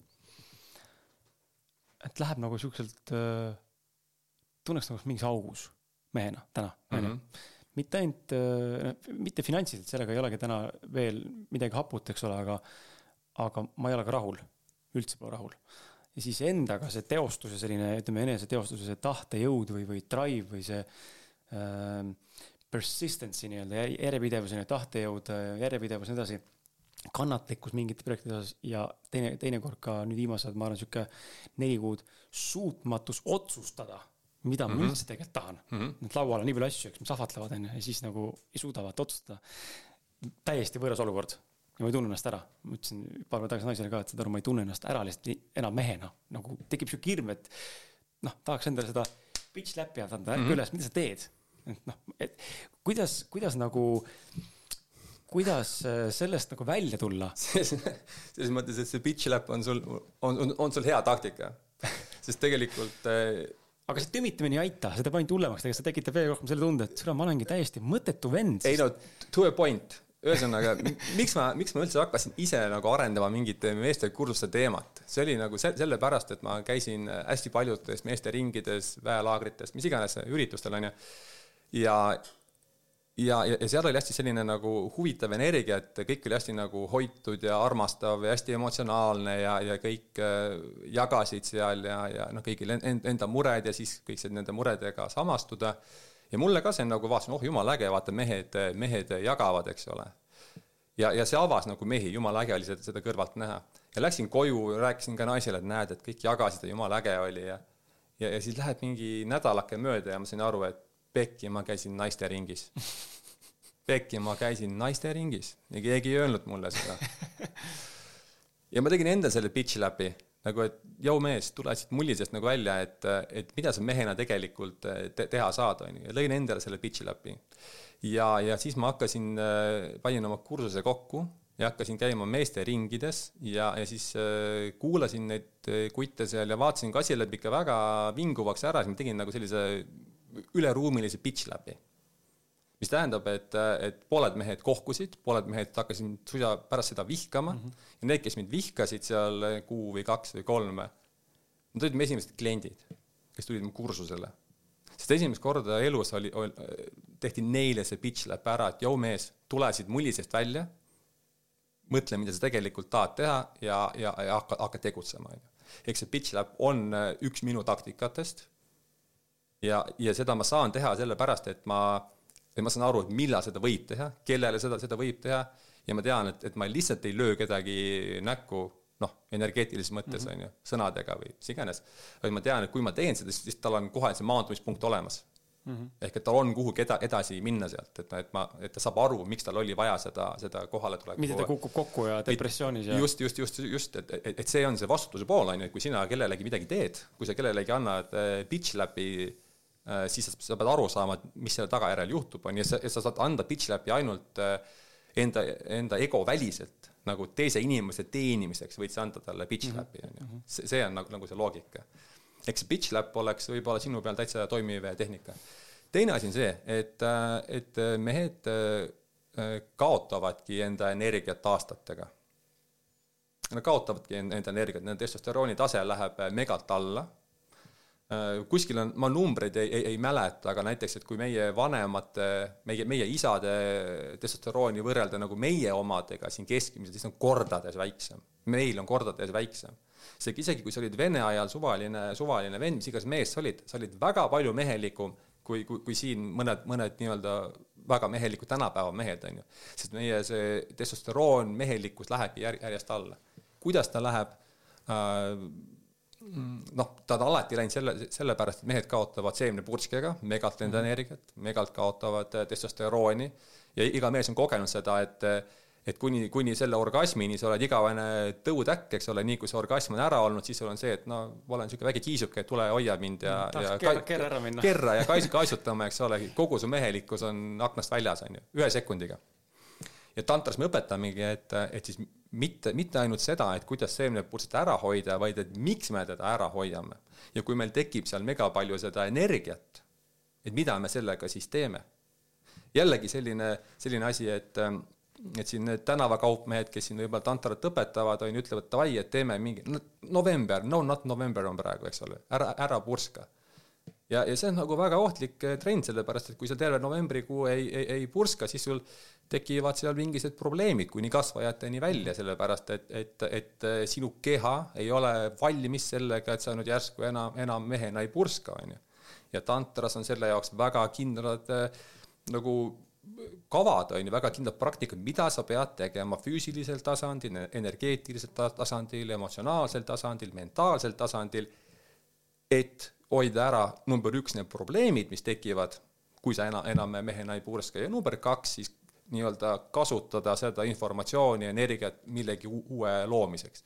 näiteks väga konkreetsed tehnikad, millega sa võtad selle ülejääva seksuaalenergia, mida sa nüüd välja ei pursanud, ja muundad selle tahtejõuks mm. -hmm. väga lihtne praktika, mida iga mees saab katsetada, ma, ma enda äh, kursuste lõpus tavaliselt teen kakskümmend üks päeva väljakutse, kus üldiselt iga mees võtab selle väljakutse vastu, eks ole, mille point on täpselt see, et, et võtta see üleliigne energia ja teha sellest tahtejõud, sest see on see, mida meestel praegu puudu on.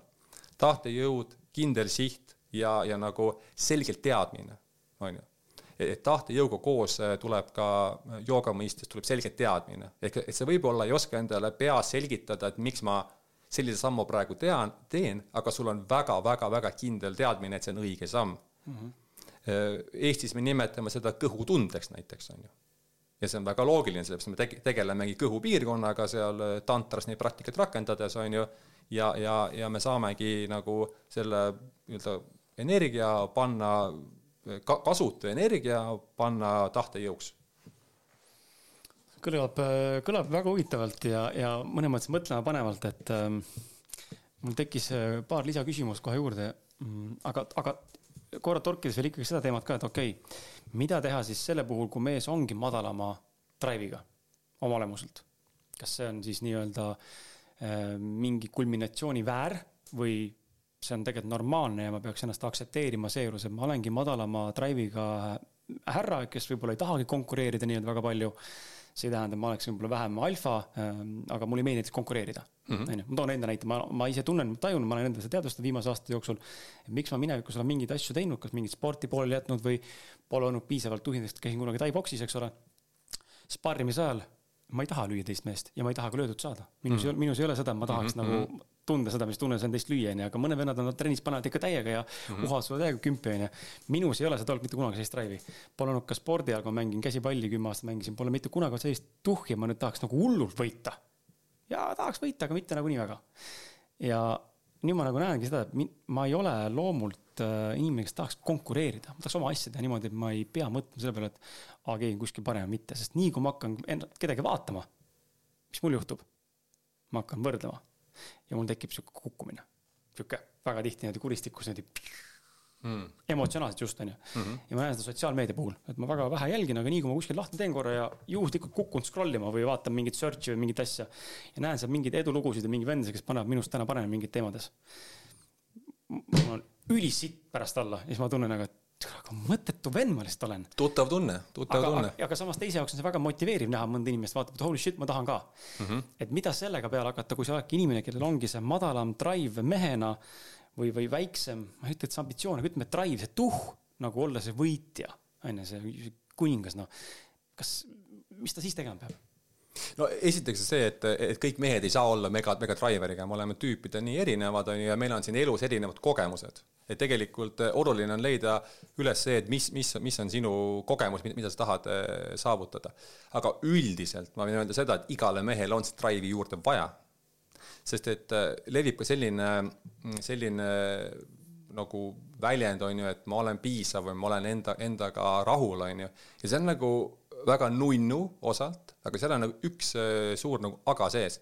et, et kes, kes see on sinu sees, kes ütleb, et nüüd ma olen äh, piisav, mhm. on ju. ehk et vahepeal äh, ma mõtlen, et kui ma, kui ma ise olin selline äh, vinguv, vinguv mees vanasti, on ju, mul oli väga mugav ja mõnus olla, mul oli nii hea nagu, et, et, et mu naine mu eest näiteks hoolitses või keegi teine mu eest hoolitses, on ju, ma võisingi öelda, et oh, ma olen piisav sellisena, nagu ma olen, et ma ei peagi midagi muutma, ma, ma, ma, ma ei pea nagu võtma rohkem vastutust, on ju. Ma, ma ei pea enda, enda sõnade, sõnade, sõnadest võtma vastutust, oma tegudest võtma, võtma vastutust, on ju, ma, ma ei pea, ma ei pea, ma, ma, ma ei pea, ma ei pea olema voodis naisega rohkem arvestav, ma ei pea midagi, midagi tegema, sest ma olen rahul endaga, sellisena, nagu ma olen, on ju. sa saad aru, et, et see on nagu, nagu see koht, et, et, et kes sinu sees vastab sellele küsimusele, et okei okay,, et nüüd ma, nüüd ma olen, olen piisav seega enamasti ma ütlen, et meestel on seda drive'i juurde vaja, meestel on esialgu vaja seda bitch läppi et nad sellest talveunest äratada, sest et mina olen olnud seal unes ja ma näen nii palju selliseid mehi, kes on samamoodi selles talveunes ja räägivad endale lugu, et praegune elu on väga hea, et see suhe on väga hea, see töö, mida ma teen, on väga hea, ma olen piisav sellisena, nagu ma, nagu ma olen, on ju, aga, aga see, kes seda piisavat juttu räägib, see ei ole nende sisemine mina see ei ole nagu see, see, see mees, kes sündis siia maailma mingit, mingit ülesannet täitma, on ju, vaid see on mingine pinnapealne roosa mulli sees olev virvendus sellest sinu tegelikust minast, on ju. ega ma ei räägi, et iga mees peab olema võitja, et iga mees peab eh, konku-, konkureerima ja et see ei ole, ei ole see point, aga point on see, et, et, et nagu korraks võtta need roosad prillid eest ära ja, ja, ja, ja tulla korraks sellesse ebamugavasse kohta, kus sa küsid enda käest, okei okay,, et mida, mida ma siis te, ta, tahan teha mm. -hmm. ja, ja, ja korraks mitte öelda endale, et ma olen piisav. sest et nii kui sa ütled, et ma olen piisav, siis seal on väga suur risk, et sa lihtsalt äh, oled äh, nagu inglisekeelne näide on, see sõna on äh, couch potato, on ju. Mhm. ma olen piisav, kui ma istun seal diivani peal ja vahin Netflixi. noh, väga lihtne nendele öelda seda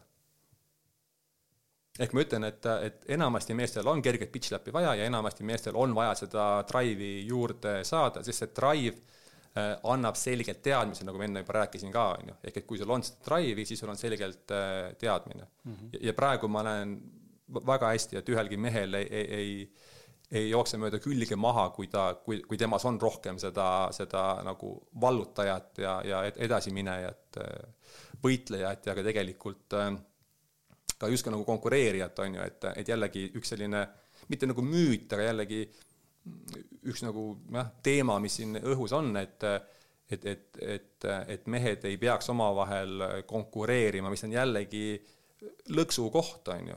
et justkui, et, et ma ei peagi, ma, ma, ma, ma ei peagi nagu näiteks spordis rohkem pingutama, ma tulin siia sadat meetrit jooksma, muidugi sa pead pingutama, mitte ütlema, et kuule, andke mulle ikkagi medal, sellepärast et äh, ma ju jooksin. ma, ma ju jooksin, kuigi ma nagu ei pannud sinna nagu fookust ega, ega, ega, ega tahtmist sisse, tegelikult mul on jumala ükskõik sellest jooksust, nagu et andke mulle medal nagu, et see ei, see ei tundu nagu ka okei okay. ja ma ütlen, et väga, väga hea on see, kui, kui sa oled endaga rahul, kui sa ütled, et ma olen piisav ja, ja, ja, ja sa ei pea kellegi pärast võistlema, aga, aga, aga praegusel ajal enamasti sa ikkagi võiksid seda varianti kaaluda, et jõuda nende õigete vastusteni enda, enda sees, eriti mehena, eriti mehena.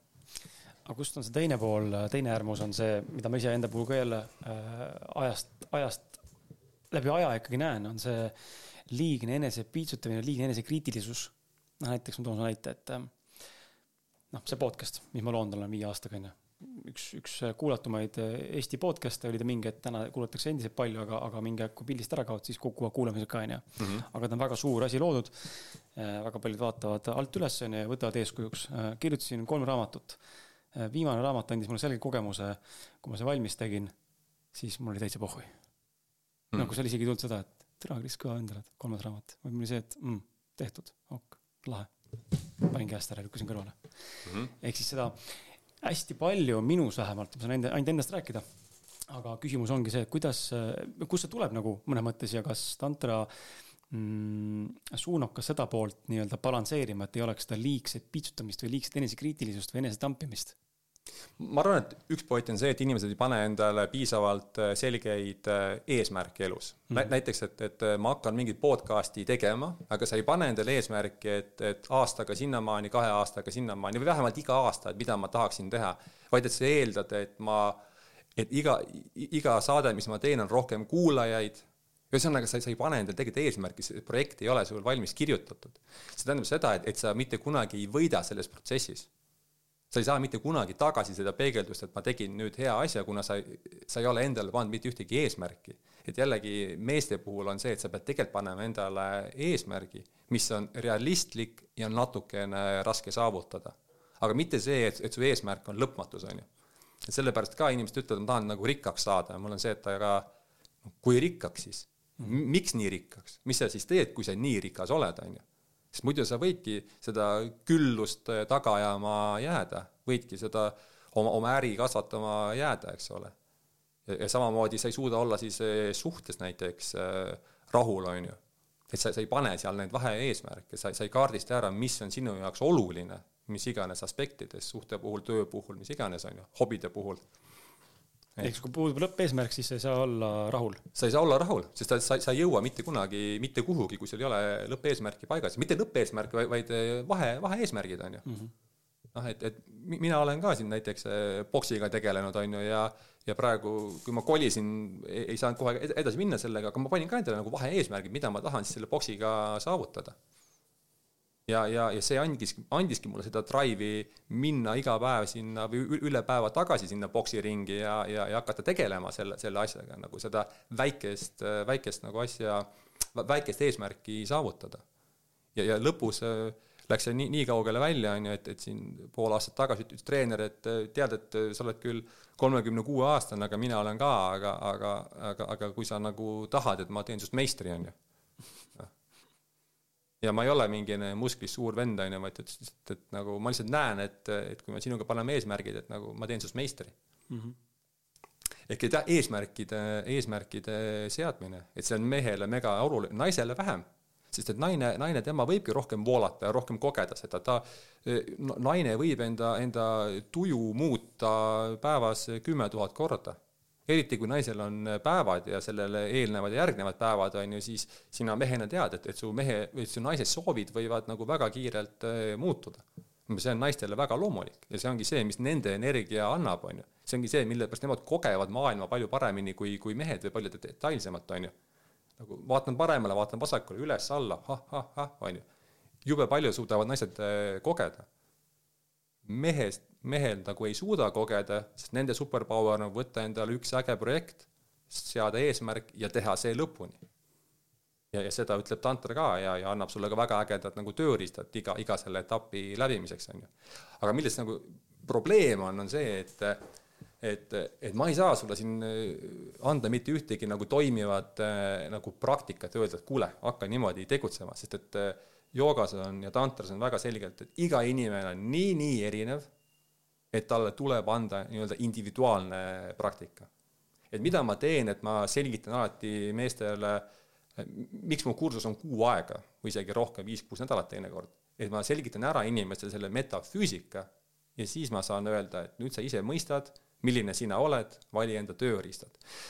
ehk et äh, eriti tänasel ajal on ju, kus on mingid reelsid ja värgid ja, ja Tiktokid on ju, et kui sa näiteks reelse seal kammid ja seal keegi sulle õpetab äh, mehelikkust või naiselikkust või manifesteerimist või, või rikkust, siis see tõenäoliselt ei tööta sinu peal. statisti, statistiliselt on väga väike šanss, et sinu peal nagu töötab, on ju. ehk et mehelikkus on pühendumine, on ju. kui sa tahad midagi mina räägin sellest, e-, e-, et kui mina hakkasin ennast esmalt mehelikuna tundma, mul kuluks selle, kulus selleks kaks või kolm aastat joogat, on ju. tantra joogaõpinguid kaks-kolm aastat. ja mina proovin siin teha midagi müstilist, et kuu ajaga kuidagi meestes see, seesama switch ära teha, on ju. aga kui keegi ütleb sulle, et, et kahe-kolme tunniga ma teen sinust mehe või et kui sa selle riili vaatad lõpuni mis on nelikümmend kolm sekundit, siis sa saad selle ultimate äh, tõe kätte, no si-, siis see ei toimi, on ju. Mhm. ehk et mehel on projekt ja mehel on pühendumine ja, ja sa paned oma, oma effort'i sinna sisse, on ju. tuleme, tuleme korra tagasi selle seenepurske ja selle juurde ka, et ähm, jälle isiklikust kogemusest äh, toon selle näite, mulle väga meeldib enda, enda näite tuua. tean, et kuulajad sellega samastuvad ka ähm, mul on väga tihti, ma olen märganud sihukest asja, see on väga huvitav. ma tajun ära, kui naisel hakkavad päevad mm. -hmm. ma ei ole varem oma ühegi meessõbraga sel teemal väga rääkinud, aga mulle tundub, et üldiselt vist nagu noh, naine, on ka üllatunud, et ma hakkan ära tajuma, kui tal hakkavad need menstruaaltsükkel hakkab tulema peale mm. -hmm. ja mis juhtub? mina muutun äh, nii-öelda rohkem kiimasemaks mehena mm -hmm. sel hetkel ja see läheb nii intensiivseks mul, et naisel on siis ebameeldiv isegi mõnes mõttes minuga samas ruumis olla hmm.. noh, ma, ma, olen muidugi natuke musta huumoriga onju ja sihuke perversne onju mõnes mõttes. ma hakkan ka siukseid niilbed nalju tegema onju ja üle, ja teadlikult tean, et ma teen neid üle võlli ja ma tean, et see põletab talle veel rohkem eemale, aga mul on juba see noh, mul on juba see eh, ütleme siis see kiim või, või kuidas see on see liigne potentsiaal on nii suur juba selle ümber, et tahaks nüüd saada enne, kui mul on hirm, et tal tulevad päevad ja ma jälle ei saa mõnda aega, onju. Mhm, mhm. on nii suur juba ja tal on see nagu kohe hakkab kõik plokk vaata ees mm. -hmm. et need dünaamika hästi huvitavad, aga olen märganud jah, et äh, kui, kui mina, kui mina väga jõuliselt tahan, siis tema ei taha. onju, ja see on see koht jälle, kus mul tekib jälle mehena, ma usun, et paljud mehed võib-olla küsivad sama asja, onju, et okei okay,, et naist ju noh, enda naist kedagi, keegi vägisi võtma ei hakka, ilmselgelt, ma väga loodan, keegi ei tee seda ja see ei olegi nagu normaalne. aga okei okay,, ma siis mängin seda mängu kaasa, äh, sebin talle seal kolm nädalat, onju, äh, sussutan, miinustan, mammutan, lõpuks siis saan oma tulemuse kätte, onju. mul on see eesmärk ja mul on see missioon, onju. aga vahel lihtsalt tahaks lihtsamalt, onju. aga kuidas, kas tantra õpetab seda ka, et kuidagi nagu, kuidagi nagu seda kontrollima, seda iha tasandit enda sees mm et see ei oleks nii üle võlli, et noh, mul teinekord on siuke tunne, mul sõidab kohe katus ära, noh, ma lähen mm, -hmm. ma toon väga äärmusliku näite, eks ole, aga ma lähen a la, ma ei tea, topin pudelisse, vaata, et see mm -hmm. nagu läheb nii pingeliseks juba. ma tahan selle endast välja saada mm. -hmm. ja väga tihti ma näen ka seda, et minul tekib see suur iha äh, seksi järele või siis ütleme mm, seenepurskele või mis iganes see protsess seal bio, biokeemiliselt meie kehas on, siis kui stress ja ärevus on kõrge mm -hmm.. noh, release in seda sitta endast välja, onju. Mhm ja siis äh, naisega oleme rääkinud ka, et tegelikult see on jube nõme, kui nagu minna nagu valada see endas, endast välja nagu naise sisse mm -hmm. kõik see endasse, onju. sest tema energeetiliselt tegelikult sa kannad selle üle, vaata, kõik selle pasa mm. -hmm. et lähen ja rautan, onju, kihvt, ma sain lahti, aga noh, tal ei olnud vaata tore, aga ma, ma sain mm -hmm. lahti, onju. et kas tantra õpetab seda poolt ka nagu kuidagi nagu vastu võtma äh,, balansseerima äh,, ma ei tea, mitte ära kaotama ega eirama, lahustama väga,? väga, väga detailselt mm, -hmm. väga detailselt huu, ma mõtlen, kust ma nüüd pihta hakkan, mis. miks see on niimoodi, et tekib see, tekib see dünaamika, et ühelt poolt üks tahab väga jõuliselt, teine nagu jälle ei taha, onju, ma saan aru, et see on noh, pluss-miinus mõnes mõttes, aga nad peaks kokku tooma või on see pluss-pluss, aga kus, kus nagu tekib ja tihtipeale no. on seda ka, kui ma lasen lahti, ah tead, ma ei viitsigi rohkem, et ükskõik, ei ole, siis ei ole seksi ja nii on. ja siis järgmisel hetkel saad, onju, mhm, siis ta mhm. tuleb ise. ma pakun sulle noh, et see on nagu nii huvitav nagu sihuke paradoks dünaamika, et kui nii kui taga ajad, see jookseb eest ära. ja esiteks ähm mm, kui me räägime sellest seksuaalsest ihast, siis me tegelikult räägime laiemast üld, laiemalt üldse kõigist ihadest või isegi ütleme sõltuvustest. seega tantra mõttes ei ole väga vahet, et kas sa oled äh, kiimas või sa, sa äh, tahad kogu aeg veini juua. või suhkrut süüa. suhkrut süüa või sa tahad scroll ida või sa tahad Netflixi vaadata või sa tahad iga, iga päev äh, käia äh, kohvikus, sellepärast muidu sa tunned ennast äh, mittetäidetuna, onju. Mhm. ehk et kõik on sama asi. ehk et, et, et see kõik on tantra mõttes samal, samal energiakeskuse või, või selle veedasõnaga tšakra tasandil, onju. ja, ja halb uudis on see, et, et suurem osa inimesi ongi kõik selle energiakeskuse tasandil, ehk et kõik on mingitest asjadest suurel määral sõltuvuses, sõltuvuses ehk et seks ei ole mingine erand siin teiste sõltuvuste mm. kõrval, on ju. ja, ja, ja, ja, ja miks sa, miks sa nagu teed seda stressirohkel ajal, on ju, sellepärast et sa saad mingi see laksu, mingi see dopamiinilaksu või mis iganes laksu. aga näiteks seksi puhul sa ei saa seda mitte seemnepurskest, vaid orgasmist mm. -hmm. ja, ja, ja seemnepurse ei ole selle, selle nagu laksuga kuidagi seotud. sa saad alati orgasmi enne kätte ja seemnepurse järgneb sellele mm. -hmm enamasti on see meestel niisugune null koma üks sekundit. see on väga väike murduse sekund vä. Vä väga väikene, aga ta on alati, alati erinev, on ju. ja, ja, ja kuidas mehena nagu seemnepurski ärajätmine võib-olla käibki, ongi see, et sa hakkad nagu teadvustama, et okei okay,, aga seal on see vahe sees. et nagu teoreetiliselt ja ühel hetkel praktiliselt seal on see, see vahe sees. ehk et me saame hakata nagu kontrollima seda, seda seem-, seemnepurske kohta aga jaa, et, et äh, me, me tegeleme äh, tantras ja joogas väga, väga sellega, et, äh, et, et nendest ihadest lahti saada. ja jooga tegeleb sellega natuke kaudsemalt, näiteks et me tegeleme teiste energiakeskustega oluliselt rohkem kui selle seksuaalenergiakeskusega, ehk et me nagu saadame energiat, paneme fookust mujale ka, on ju, sinu tahtejõukeskusesse ja südamekeskusesse ja kuhu iganes, on ju et, et me nagu laeme teisi keskuseid selleks, et, et see, et see ihade ja, ja, ja, ja, ja selliste sõltuvuste keskus ei oleks domineeriv meis kui inimestes, on ju. ja kui meil on olemas, kui meil teised, kui me oleme tervikuna nagu laetud ja tervikuna tunnetame või omame kontrolli enda keha üle, enda olemuse üle, see on tantra point on kontrollida kõike. siis kui ma olen väga, väga tugevas kontrollis, siis ma võin minna sinna nende sõltuvuste äh, tasandile ja ma võin näiteks äh, nautida ühe pokaali veini, sest ma tean, et ma kontrollin seda. ja ma võin nagu süüa selle ühe kommi, sest ma kontrollin seda, ma tean, et, et, et mul ei teki sõltuvust, vaid ma võin sada protsenti nautida seda nii-öelda paha tegevust, sest see on täielikult minu kontrolli all. seega tantras me õpetame väga selgelt, kuidas võtta kontroll enda üle, kuidas võtta enda, enda ihade üle kontroll. see ei olnud tantra algne õpetus, sest meil ei olnud ihasid nagu selliseid, me nautisime elu tantristidena tuhandeid aastaid tagasi, aga meil ei olnud nagu no, nagu sõltuvusi selles mm -hmm. mõttes, aga nüüd tantraõpetused paraku peavad rääkima sellest, on ju. vanasti oli niimoodi, et tantristlik mees või naine, ta, ta tundis väga hästi, mis tema kehas toimub kõigil tasanditel ta sai aru, mis toimub, ta tundis, kui ta näpp valutab, ta tundis, kui tal on mingi emotsioon, tundis, kui tal oli mingi energeetiline muudatus, ta tundis kõike, ta sai kõigest sellest aru. Ja siis äh, ta oskas seda infot äh, ka nagu kanaldada, teha sellega mingisuguseid imesid enda jaoks. tänapäeval me õpetame inimestele, et kuidas üldse tunda midagi inimesena, kuidas üldse midagi tunda ja aru saada ja, ja klassifitseerida, et mis see nüüd oli, mida, mida ma tundsin ehk et me ei räägigi tantra puhul esmalt sellest, et kuidas mingisuguseid äh, nippe teha, kuidas mingeid ime, imesid luua, on ju, vaid me räägime sellest, kuidas hakata üldse nagu tundma seda, tunnetama seda, mis sinu sees toimub, on see siis emotsioon või, või on ta, on ta siis mingi energia, eks ole, on ta mingine mõte, et kuidas seda tunda ja siis, kuidas seda kontrollida targa, targal viisil mm. -hmm. ehk see sõltuvuste teema on äh, paratamatult tantras joogas väga-väga sees, jah teemasid on äh, nii palju, et sihuke tunne, et me peame sinuga võib-olla üldse pool kahe tegema. Äh, ma hõikan selle vahe välja ka, ma juba näen, ma vist ei jõua neid kõiki küsimusi küsida, aga ma hõikan välja kuulajatele ka, kui see, mis ähm, me siin täna vestleme, millest me siin räägime, sind kõnetab äh, ja tahaksid kuulda veel, siis anna mulle palun teada. sest et selle järgi ma saan otsustada, loomulikult ma otsustan ise ka, aga sinu, sinu nagu tugi ja mõnes mõttes sinu soov Äh, annab mulle kinnituse, et kas äh, tänane vestlus on sinu jaoks põnev ja, ja tahaksid veel rohkem kuulda.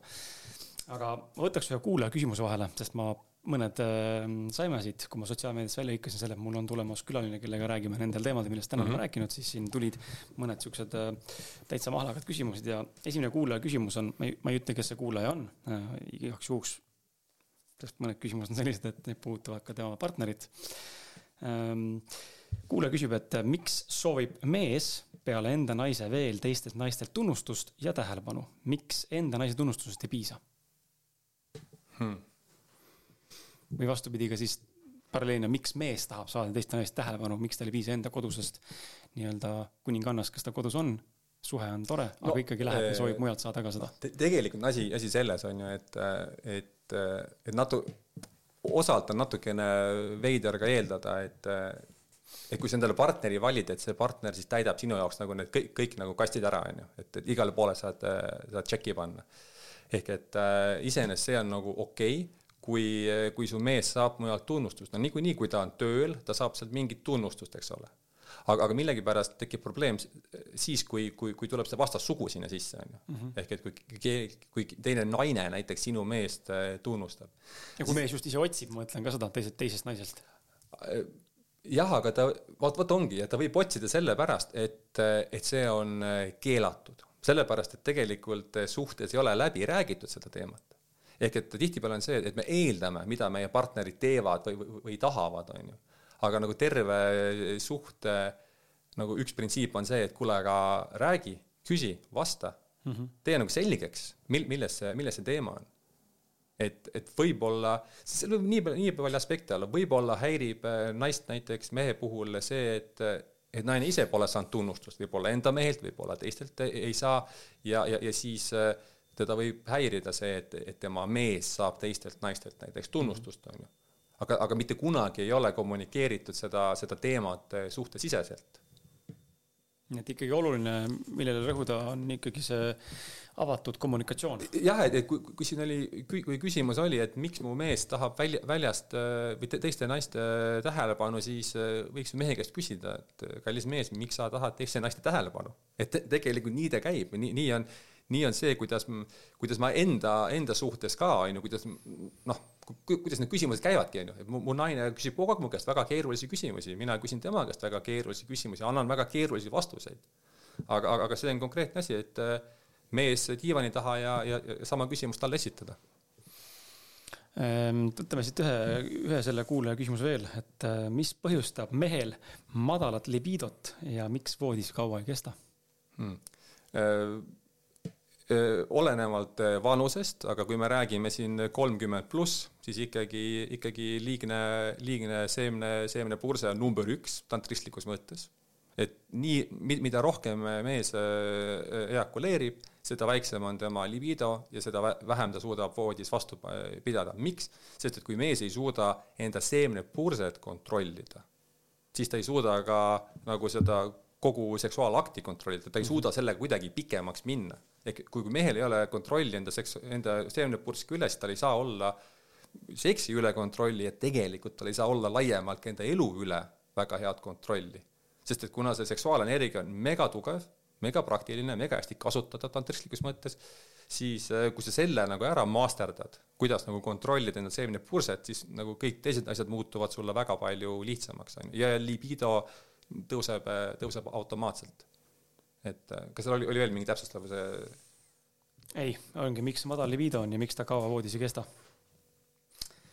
no ja, ja muidugi see, see, et, et et mida rohkem mees äh, Facebookis või Instagramis scroll ib, seda väiksem on tema libido mm. -hmm. miks? sellepärast, et äh, jällegi, ma ei taha siin olla kuidagi eh, nagu eraldada mehi ja naisi ja kui me räägime nagu naiselikest energiatest, on ju, siis naiselik energia ongi rohkem selline maailma kogemine, muuhulgas scroll imine ja muuhulgas veini joomine, muuhulgas kohvikutes Chit käimine mm, -hmm. selline asi. ehk et mida rohkem mees tegeleb selle poolega, seda madalam on tema libido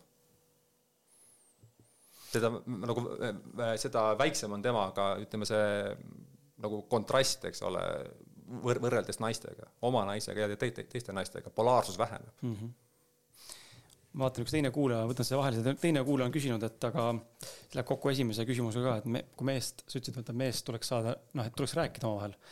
et küsida otse välja, miks sa tahad teiste naiste tähelepanu mm. -hmm. mis siis on, kui mees ei taha rääkida? ja ta ei suuda ennast avada, sest et teatavasti väga paljudel meestel on see probleem, mitte meestel, naistel ka, aga ma ise tean ka, pigem tundub, et ülekaalus olevatel meestel ei taheta nagu noh, mehed ei nuta, vaata, ikka kõva, kõva rüü on seljas, onju, kiht on ees, telliskivi sein on ees. et ähm, mida siis teha, kui mees ei taha ennast avada? Aga sina naisena soovid, et avaks, et saaks just nimelt kommunikeerida, vaata, mis mulle meeldib, mis mm. sulle meeldib, mis sulle ei meeldi miks sa nii tegid, miks sa nii pole teinud, onju, mis sa teha tahaksid. et kuidas seda barjääri lõhkuda ja saada no, mees rääkima? ma arvan seda, et, et et na-, kui naised tahavad mehe käest midagi teada saada, siis äh, naine peab endalt küsima, et et kas ma teen seda jumala puhta koha pealt või ma tahan praegu lihtsalt näägutada, kas ma tahan mm -hmm. lihtsalt nagu kuidagi enda vimma, enda pettumust, enda halbasid kogemusi sinu kui mehega kuidagi rahuldada ja siis ma tahan sinu käest neid vastuseid saada. nii kui mees tunneb, et, et naine ründab teda, ta läheb kohe, kohe plokki. ja, ja, ja kuigi mehed ei, ei ei tunne nii hästi kui, kui naised, siis nad ikkagi saavad aru, isegi kui, kui, kui naine tuleb hästi mesimagusalt või hästi nagu, mitte mesimagusalt, aga hästi nagu neutraalse ägeda koha pealt. et tule ja räägime, kui mees tunneb ära, et selle taga on nagu mingi veider nagu soov, veider energia, siis ta läheb automaatselt plokki. miks? sest et mehed on väga naiselikud tänapäeval. ehk neil ei ole kontrolli end, end, enda üle ja nad solvuvad, nii nagu mina seda kogu aeg tegin ja, ja, ja kuidas ma üle sain, et ma hakkasingi märkama solvumisi, ma näiteks solvusin äh, selle peale, kui suvalise asja peale võisin solvuda ja siis ma näitasin seda välja, näiteks kui ma muna praadisin, siis ma tegin seda nii, et nagu, et mingid topsid kukkusid ikka pikali ja võib-olla isegi taldrik kuhugi läks liiga draama, dramaatiliselt. no mingit draama, draama tuli sinna juurde, jah. aga me, mehed äh, kardavad praegu, praegu rünnakut mm. naise poolt ja kuna naistel on, naised on mega tugevad, nagu ma ei räägi, noh, nende nagu energia on hästi selline hästi, hästi mhm. jõuline, hästi jõuline, siis mehed tegelikult kardavad seda, siis nad ei suuda, nad teavad, et nii kui nad lasevad selle energia nagu lappama ja, ja kui sa hakkad oma, kui, kui see diskussioon tekib keerulisel teemal, siis naise energia läheb lappama ja mees teab alateadlikult nagu holy shit, aga mina seda ruumi ei jõua ära praegu hoida mm. -hmm. see läheb nagu nii lappama, et siis me lihtsalt karjume üksteise peale. ja siis mehel on lihtsam nagu olla vait ja, ja pareerida justkui see, see, see küsimus ära mm. -hmm mulle jäi silma äh, seda saadet kokku pannes äh, sinu üks selline või noh, sinu poolt mitte termin, aga fraas või mõte, toksiline mehelikkus. tahaks korraks sellest nagu rääkida ka, et mis see nagu oma olemuselt tähendab, arusaam sellest toksilisest mehelikkusest ja, ja sellest vastandist ehk siis justkui puhtast mehelikkusest või siis mm. non-toxic mm -hmm. masculinity nii-öelda onju. et mis see nagu tähendab, kuidas seda mõista no, no esiteks jah, jah, mina ise ei räägi väga üldse toksilisest mehelikkusest, kuna kuna tantrast tulenevalt toksilist mehelikkust ei eksisteeri nagu by fact, seda nagu ei eksisteeri, seda asja ei ole olemas. et on olemas mehelikkus, on olemas naiselikkus ja on olemas toksilisus mm -hmm.. seega toksilist mehelikkust ei ole, ei ole olemas. ja, ja kui me selle fakti võtame nagu omaks, et toksilist mehelikkust ega toksilist naiselikkust ei ole olemas, siis me ei saa sildistada enam, enam inimesi. siis me ei saa näiteks öelda, et äh, mehed on milleski süüdi või naised on milleski süüdi. siis me saame öelda, et mind lihtsalt häirib see inimene ja, ja, ja, ja too inimene, sest et ta käitub toksiliselt, on ta nüüd mees või naine, vahet ei ole mm. -hmm. aga, aga tantristlikus mõttes mehelikkus on sada protsenti puhas see, see on kõige puhtam asi üldse, mis, mis, mis kogu joogasüsteemis on, ongi see mehelik puhas printsiip, eks ole, mis, mis, mis nagu ongi justkui nagu see ühendus universaalse puhta infoväljaga, et justkui kui mingi asi üldse puhas on, siis, siis mehelikkus ongi, ongi väga, väga puhas asi. ehk, ehk et nagu üldse sildistamine ja eriti mehelikkuse sildistamine nagu on väga-väga halb plaan et, et, et see, see tekitab lihtsalt, äh, tekitab väga-väga suuri probleeme. aga kui me võtame lahti nagu tantra suuremalt, me oleme siin täna rääkinud väga palju sellest, kuidas ähm, noh, ütleme tantra ja meeste või meheks olemise või mehelikkuse vahelisest seosest. aga kuidas tantra naistele mõjub, kui ta nüüd hakkab praktiseerima, noh, sinu elukaaslane mm -hmm. tegelikult sind sinna maailma tõmbas mm -hmm. või suunas, täna oled, tänaseni olete ju koos endiselt mm. -hmm ja koos olete seda teekonda käinud. Kuidas äh, tantra naisele mõjub, mis ta temast teeb, ta toob siis ka maskuliinsust esile või toob seda feminiinsust esile või mis ta esile toob seal või kuidas see naisele see tantramaailm mõjub üldse? no, no üldiselt, et, et tantra ja jooga tegelikult tasakaalustavad inimest, ehk nad loovad niisuguse nagu ägeda baasvundamendi.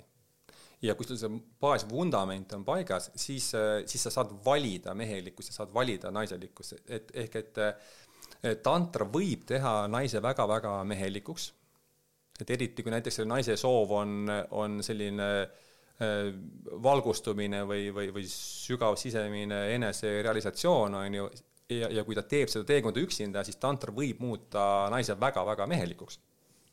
selleks, et, et, et naine ei muutuks mehelikuks, on tal vaja äh, meest enda kõrvale, nii-öelda inimest, meest, kes on tema guru, kes on tema juhendaja, et ta teab, et see mees hoiab siis seda mehelikku liini paigas ja naine saab koos mehega seda, seda sügavat teekonda käia ja siis naine võib olla täielikult naiselik, täielikult ilus, vaba, tantsiv, eks ole, no nagu me kõige imelisemad naist ette kujutame. ehk et see on tantra mõistes lubatud, aga jällegi, et, et kui naine valib selle teekonna üksinda teha, siis ta võib muutuda oluliselt mehelikumaks, kui ta enne oli. seega ta, ta ei ole nagu selline, selline nagu one way street või, või väga lihtne lahendus, et mm. hakkasin tantraga tegelema ja olen naine ja nüüd ma olen väga äge, seksikas tantristlik naine nagu, et see, seda ei pruugi juhtuda.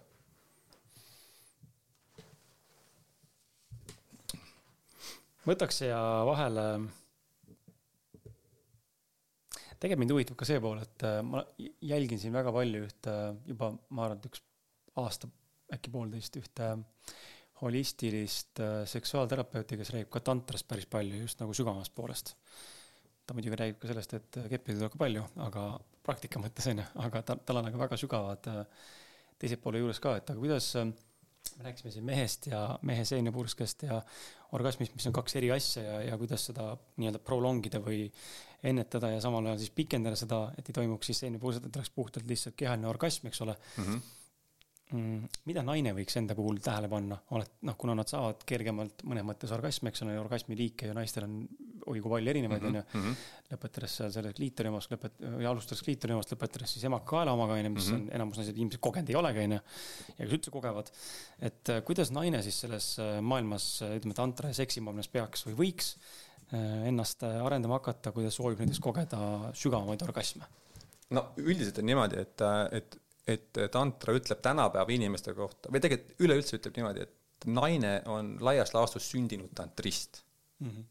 siis kui me vaatame ka naise graafikut, kolmkümmend viis minutit, et see tundub juba päris äge, et hakkab juba mingi seksi poole, poole minema, onju. ehk tegelikult naine on võrdlemisi valmis äh, kogema sügavamaid orgasme, kui mees oskab talle neid sügavamaid orgasme pakkuda ehk et, et, et ikkagi väga palju jääb naise või mehe, mm, mehe taha kinni.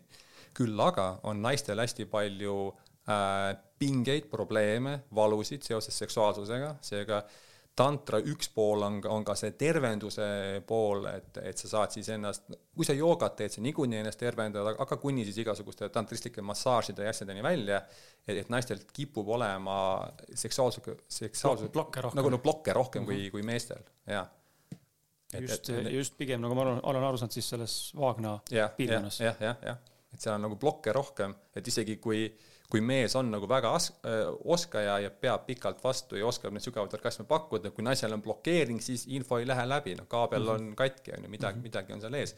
ehk et, et, ehk et naistel oleks vaja tegeleda paljuski selle tervenduse poolega, jah.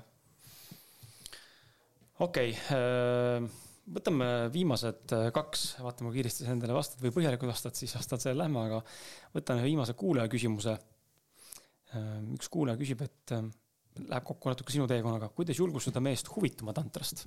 noh, sa saad rääkida oma kogemust, kuidas su naine siis sind sinna viis, sul käis see küll väga lihtsasti, eks ole, suhteliselt mm -hmm. avatud, aga on mehi, kes ei lähe põhimõtteliselt ühegi naise pakutud ürituse või ideega teinekord kaasa et kuidas siis teha niimoodi, et mehel tekiks huvi selle tantra vastu? no selles mõttes, et äh, peale suruda ei saa, see tekitab omakorda efekti juurde. mina, mina läheks sellesama teed pidi, mis, mis minu peal toimis, et lihtsalt äh, müüa seda läbi, läbi selle seksi.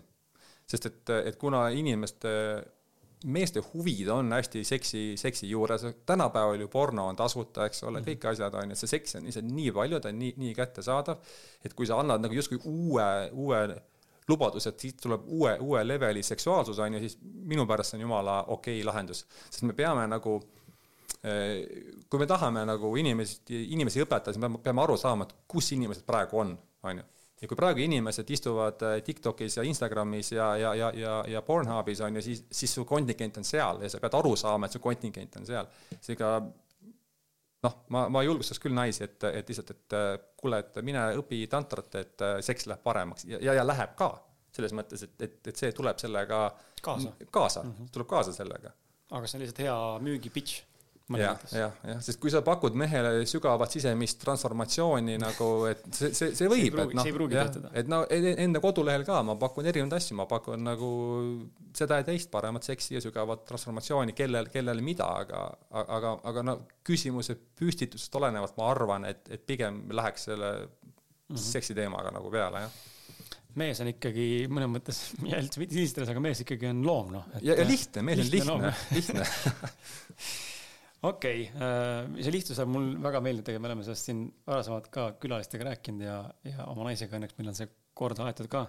vahel on vaja neid asju korrigeerida, aga just see suhtluses ka, et naised võiks teinekord lihtsalt otse meile asju öelda, mitte et nagu mm -hmm. ümber nurga seletada mm -hmm. minust kuidagi niimoodi mm -hmm. nagu noh, ma ei tea, kas sa, ei tea, kas sa viitsid täna prügiga välja viia, no ütle, et sa ei viitsi jõua minna, õues on külm, sa ei taha minna, mine vii prügi välja, ma lähen ja viin väga samastun sellega, jah. ja see jääb mõnikord hulluks, mul on seda vähe, aga ma olen kuulnud nagu sõprade lugusid, näiteid, kus tuuakse noh, no nii ümber nurgaga üldse rääkida saab ja siis mees lõpuks ei saagi aru, mida sa tegelikult nagu tahad. ja siis mm -hmm. ta ei mhm. tee seda ja siis on nagu mingi pseudotüli, vaata mingi mm -hmm. draama mm, -hmm. välja noh, ütle, mis sa tahad, see on okei okay.. ma ei võta seda kuidagi halvasti ega, ega ründavalt ja kui võtangi, noh siis saab jälle arutada, onju. jaa, aga mees ei tohi solvuda, et tihti, tihtipeale see, et mees tegelikult saab aru, aga ta solvub naise peale ja ütleb, et kuule, noh, ütle nüüd välja, mida sa tahad, kuigi ta ammu nagu teab et see, see on see hetk, kus naine ise või mees ise kukub naise energiasse mm. -hmm. ja et ta saab aru küll, mida naine tahab, aga hakkab teda kiusama nagu, et no ütle, ütle välja, mida, mida sa tahad, onju, et ma, ma ei saanud aru. ja, jah ehm, aga räägi siia natuke sellest enda mehelikkuse meistriklassis ka, mis on sul, nagu sa ütlesid, viie kuni kuuepäevane kursus. kuus nädalat. et, sorry, viie kuni kuue, tahtsin nädalat öelda, mitte viie kuni kuupäevane. et viie kuni kuuenädalane kursus Äh, kust infot saab selle kohta, kus ennast kirja saab panna, kus sind üldse leiab ähm, ja, ja mida sa kursusel sa siis inimestele pakud? Äh, ma annan sihuke väike ülevaade, et nagu kuidas ta hakkab, mis te seal umbes teete ja mis see lõppeesmärk siis, kuhu jõuda on ja kui sa selle ära teed, selle, mis siis mm -hmm. noh, kas sa siis leviteerid või mis, mis sellest mehest siis lõpuks nagu saab mm? -hmm tehniliselt äh, spirithub.ee, spirithub.ee, sealt saab selle, selle info kätte ja praegu ongi kohe see kursus seal esi, esilehel äh, leitav. ja see kursus on hästi-hästi loogiline. ehk et äh, esimene samm on see, et ta seletab sulle, mis asi on tantra, miks me üldse seda teeme esimene nädal, ütleme, räägib sellest ja annab sulle praktikat, et kogeda lihtsalt, mis asi see tantra on. Teine, teine nädal äh, räägib, mis asi on mees. ehk sa hakkad küsima enda käest, et mis sa oled ja sa, ja saad nagu vastused, ehk terve nädala me, me teeme siis praktikaid, et umbes iga päev on selline pooletunnine video ja mõned praktikad siin, sinna juurde. ja siis, kui sa juba tead, et mis on tantra, mis on jooga, mis suund valida ja mis on mees, siis me küsime, mis asi on naine. Kuidas naine toimib, mida naine sinult eeldab, mida sa saad naisele pakkuda, räägime läbi seksuaalsuse, õpime neid äh, seksinippe, räägime naise seitsmest orgasmist, õpime tehnikaid, kuidas reaalselt äh, olla siis voodis äh, parem, kuidas mitte, mitte pursata, kuidas see seks viia viie minuti pealt ütleme seal tunni või, või, kahe peale. Ja see toimib sellepärast, et üks, üks esimene kutt, kes mul seal mm, kursused läbi tegi ja kes oli väga skeptiline minu tegevuste suhtes, minu teooriate, minu praktikate suhtes, tema lõpetas selle kursuse ära ja, ja, ja, ja viie-kuue nädalaga ja kirjutas lõpuks sinna siis review'ks, et et, et selle kursuse jooksul viie-kuue nädalaga ma tulin ühe minuti mehest seksi jumalaks. tunde võis seksida enda naisega, on ju. ehk et me õpime ära, mis on mees, mis, mis on naine kuidas see seksivärk käib, eks ole, ja viimane nädal on siis, kuidas me paneme kõik need asjad kokku ja loome justkui nagu programmikava nagu, milline on siis ühe tantristliku mehe igapäevane elu, mis pro-, mis praktikaid ta teeb, millele tähelepanu pöörata. ehk siis sa nagu paned selle toolbox'i enda jaoks äh, kokku, ehitad endale selle süsteemi, sest nüüd sa juba tead, mis on tantra, sa tead, mis tööriistad on, sa tead, mis sina oled mehena, sa tead, mis on naine, mida ta sinult eeldab ja sa paned need tööriistad vastavalt enda profiilile kokku. ja sellega saab see põhiprogramm läbi ja siis ma enamasti lajatan sinna mingi ägeda sellise challenge'i lõppu, kus ma siis tõesti nagu veel korraks pitch läbi neid mehi, ütlen, et davai, nüüd lähme teeme selle asja veel ära ja siis, siis luban teid siit uksest välja ja minge, minge vallutage maailma. ja see on äh, kõik veebis? või on kohtumisi ka? jaa, see on, see on kõik äh, veebis ja, ja ta on äh, salvestatud kursused, väga struktuursed, seal on nagu materjalid on kaasas, hästi lihtne järgida ja nädalas korra, vähemalt nädalas korra me teeme siis ühe laivi, kus me siis äh, teeme Q and A session'i ja, ja räägime need teemad läbi. vahepeal ma lihtsalt toon mingi uue ägeda kogemuse või asja sisse, räägin sellest et, et nädalas korra saab siis video teel seda teha ja pluss on siis olemas ka privaatne chat grupp, kus siis mm -hmm. iga, iga, iga mees saab siis päeva jooksul esitada küsimusi, jagada enda kogemusi, kui mingi probleemid ja, ja, ja probleeme jagatakse hästi, rohkem pead julgustama neid võite jagama, et mida ma siis täna kogesin, mida ma täna ära, ära tegin. ehk siis seal kursusel on pigem nagu mõlemad, et on nii, nii laivis äh, kui ka siis ette salvestatud sisu nii-öelda tarbimiseks ka mm -hmm, koolitusena mm. -hmm. Mm -hmm selline hübriidvorm ja, ja, ja siiani see toimib nagu megalt, megalt hästi, et, et see ette salvestatud maht hoiab hästi mõnusat struktuuri mm, -hmm. ei luba minna lappama, ei luba minna naisenergiasse, hoiab seda selgroogu paigal ja need laivid siis eh, justkui panevad sinna liha, liha külge sellele, sellele kondile, on ju. väga lahe, väga lahe. Ehm, ma ei teagi, ma rohkem ei küsi midagi ma tõmbaksin selle saate kokku, kus sul on endal äkki midagi öelda või tahad midagi jagada, mida täna siin äh, jagada ei jõudnud. Äh, või tunned, et äh, see saade sai just täpselt selline, nagu sa olid ette visualiseerinud? ma arvan, et ta sai, saade sai, sai väga hea, aga, aga võib-olla lihtsalt meestele ma ütlen seda, et lihtsalt, et minge ja tehke ära mm. -hmm. nagu minge ja tehke midagi. nagu minge ja, ja, ja, ja valige endale mingi projekt ja, ja tehke see ära. ja kui see tundub keeruline, no siis seda enam, mine tee ära, on ju et, et, et kui sa oled juba ammu mõelnud, et tahaks seda või, või, või teist osa, asja endas arendada ja, ja see on juba aasta aega see mõte sul olnud ja, ja tundub, et on raske seda teha, no siis tuleb ära teha, on ju. et, et lihtsalt mine, mine tee ära no vot, head kuulajad, head mehed, head naised, kes siin kuulavad, hea uudis on see, et kuskil statistiliselt kuuskümmend protsenti on tegelikult podcast'i kuulajad naised mm.. kuigi meie podcast alguses oli ju Ausad mehed äh, nimeline, äh, tänaseks on lihtsalt Kris Kala podcast, siis see sihtgrupp ei ole otseselt muutunud. ja see oli juba siis, väga paljud naised kuulasid, kuigi saade oli Ausad mehed. aga võib-olla oli huvitav kuulata naistel meie, mehi nii-öelda omavahel vestlemas, et ähm, suurem osa külalistest on ka mehed aga jaa, et kui on mees, kes kuulab meid täna või kuulas siin, siis mine vaata kursust, lingi leiad ilusti üles vastava podcast'i kirjeldusest ja, ja mine osale, et minul tekkis igal juhul topelthuvi esimese kohtumisega sinuga juba tekkis huvi, et võib-olla peaks, täna ma sain palju parema, põhjalikuma arusaamise, kes oled sina ja, ja mida sa nagu pakud ja mida võiks potentsiaalselt pakkuda tantramaailm. ma ei ole varem sellele üldse niimoodi vaadanud. minu jaoks on tantra olnud alati see, et on lihtsalt üks noh, korralik eh, kebo ja natuke. saab seda ka. saab seda ka, et aga nüüd sa nagu tõstsid selle püramiidi mõnes mõttes nagu tagurpidi ja, ja fookus läheb tegelikult hoopis mujale, mis minu jaoks on palju põnevam, see filosofeeriv ja sisekaimundlik pool.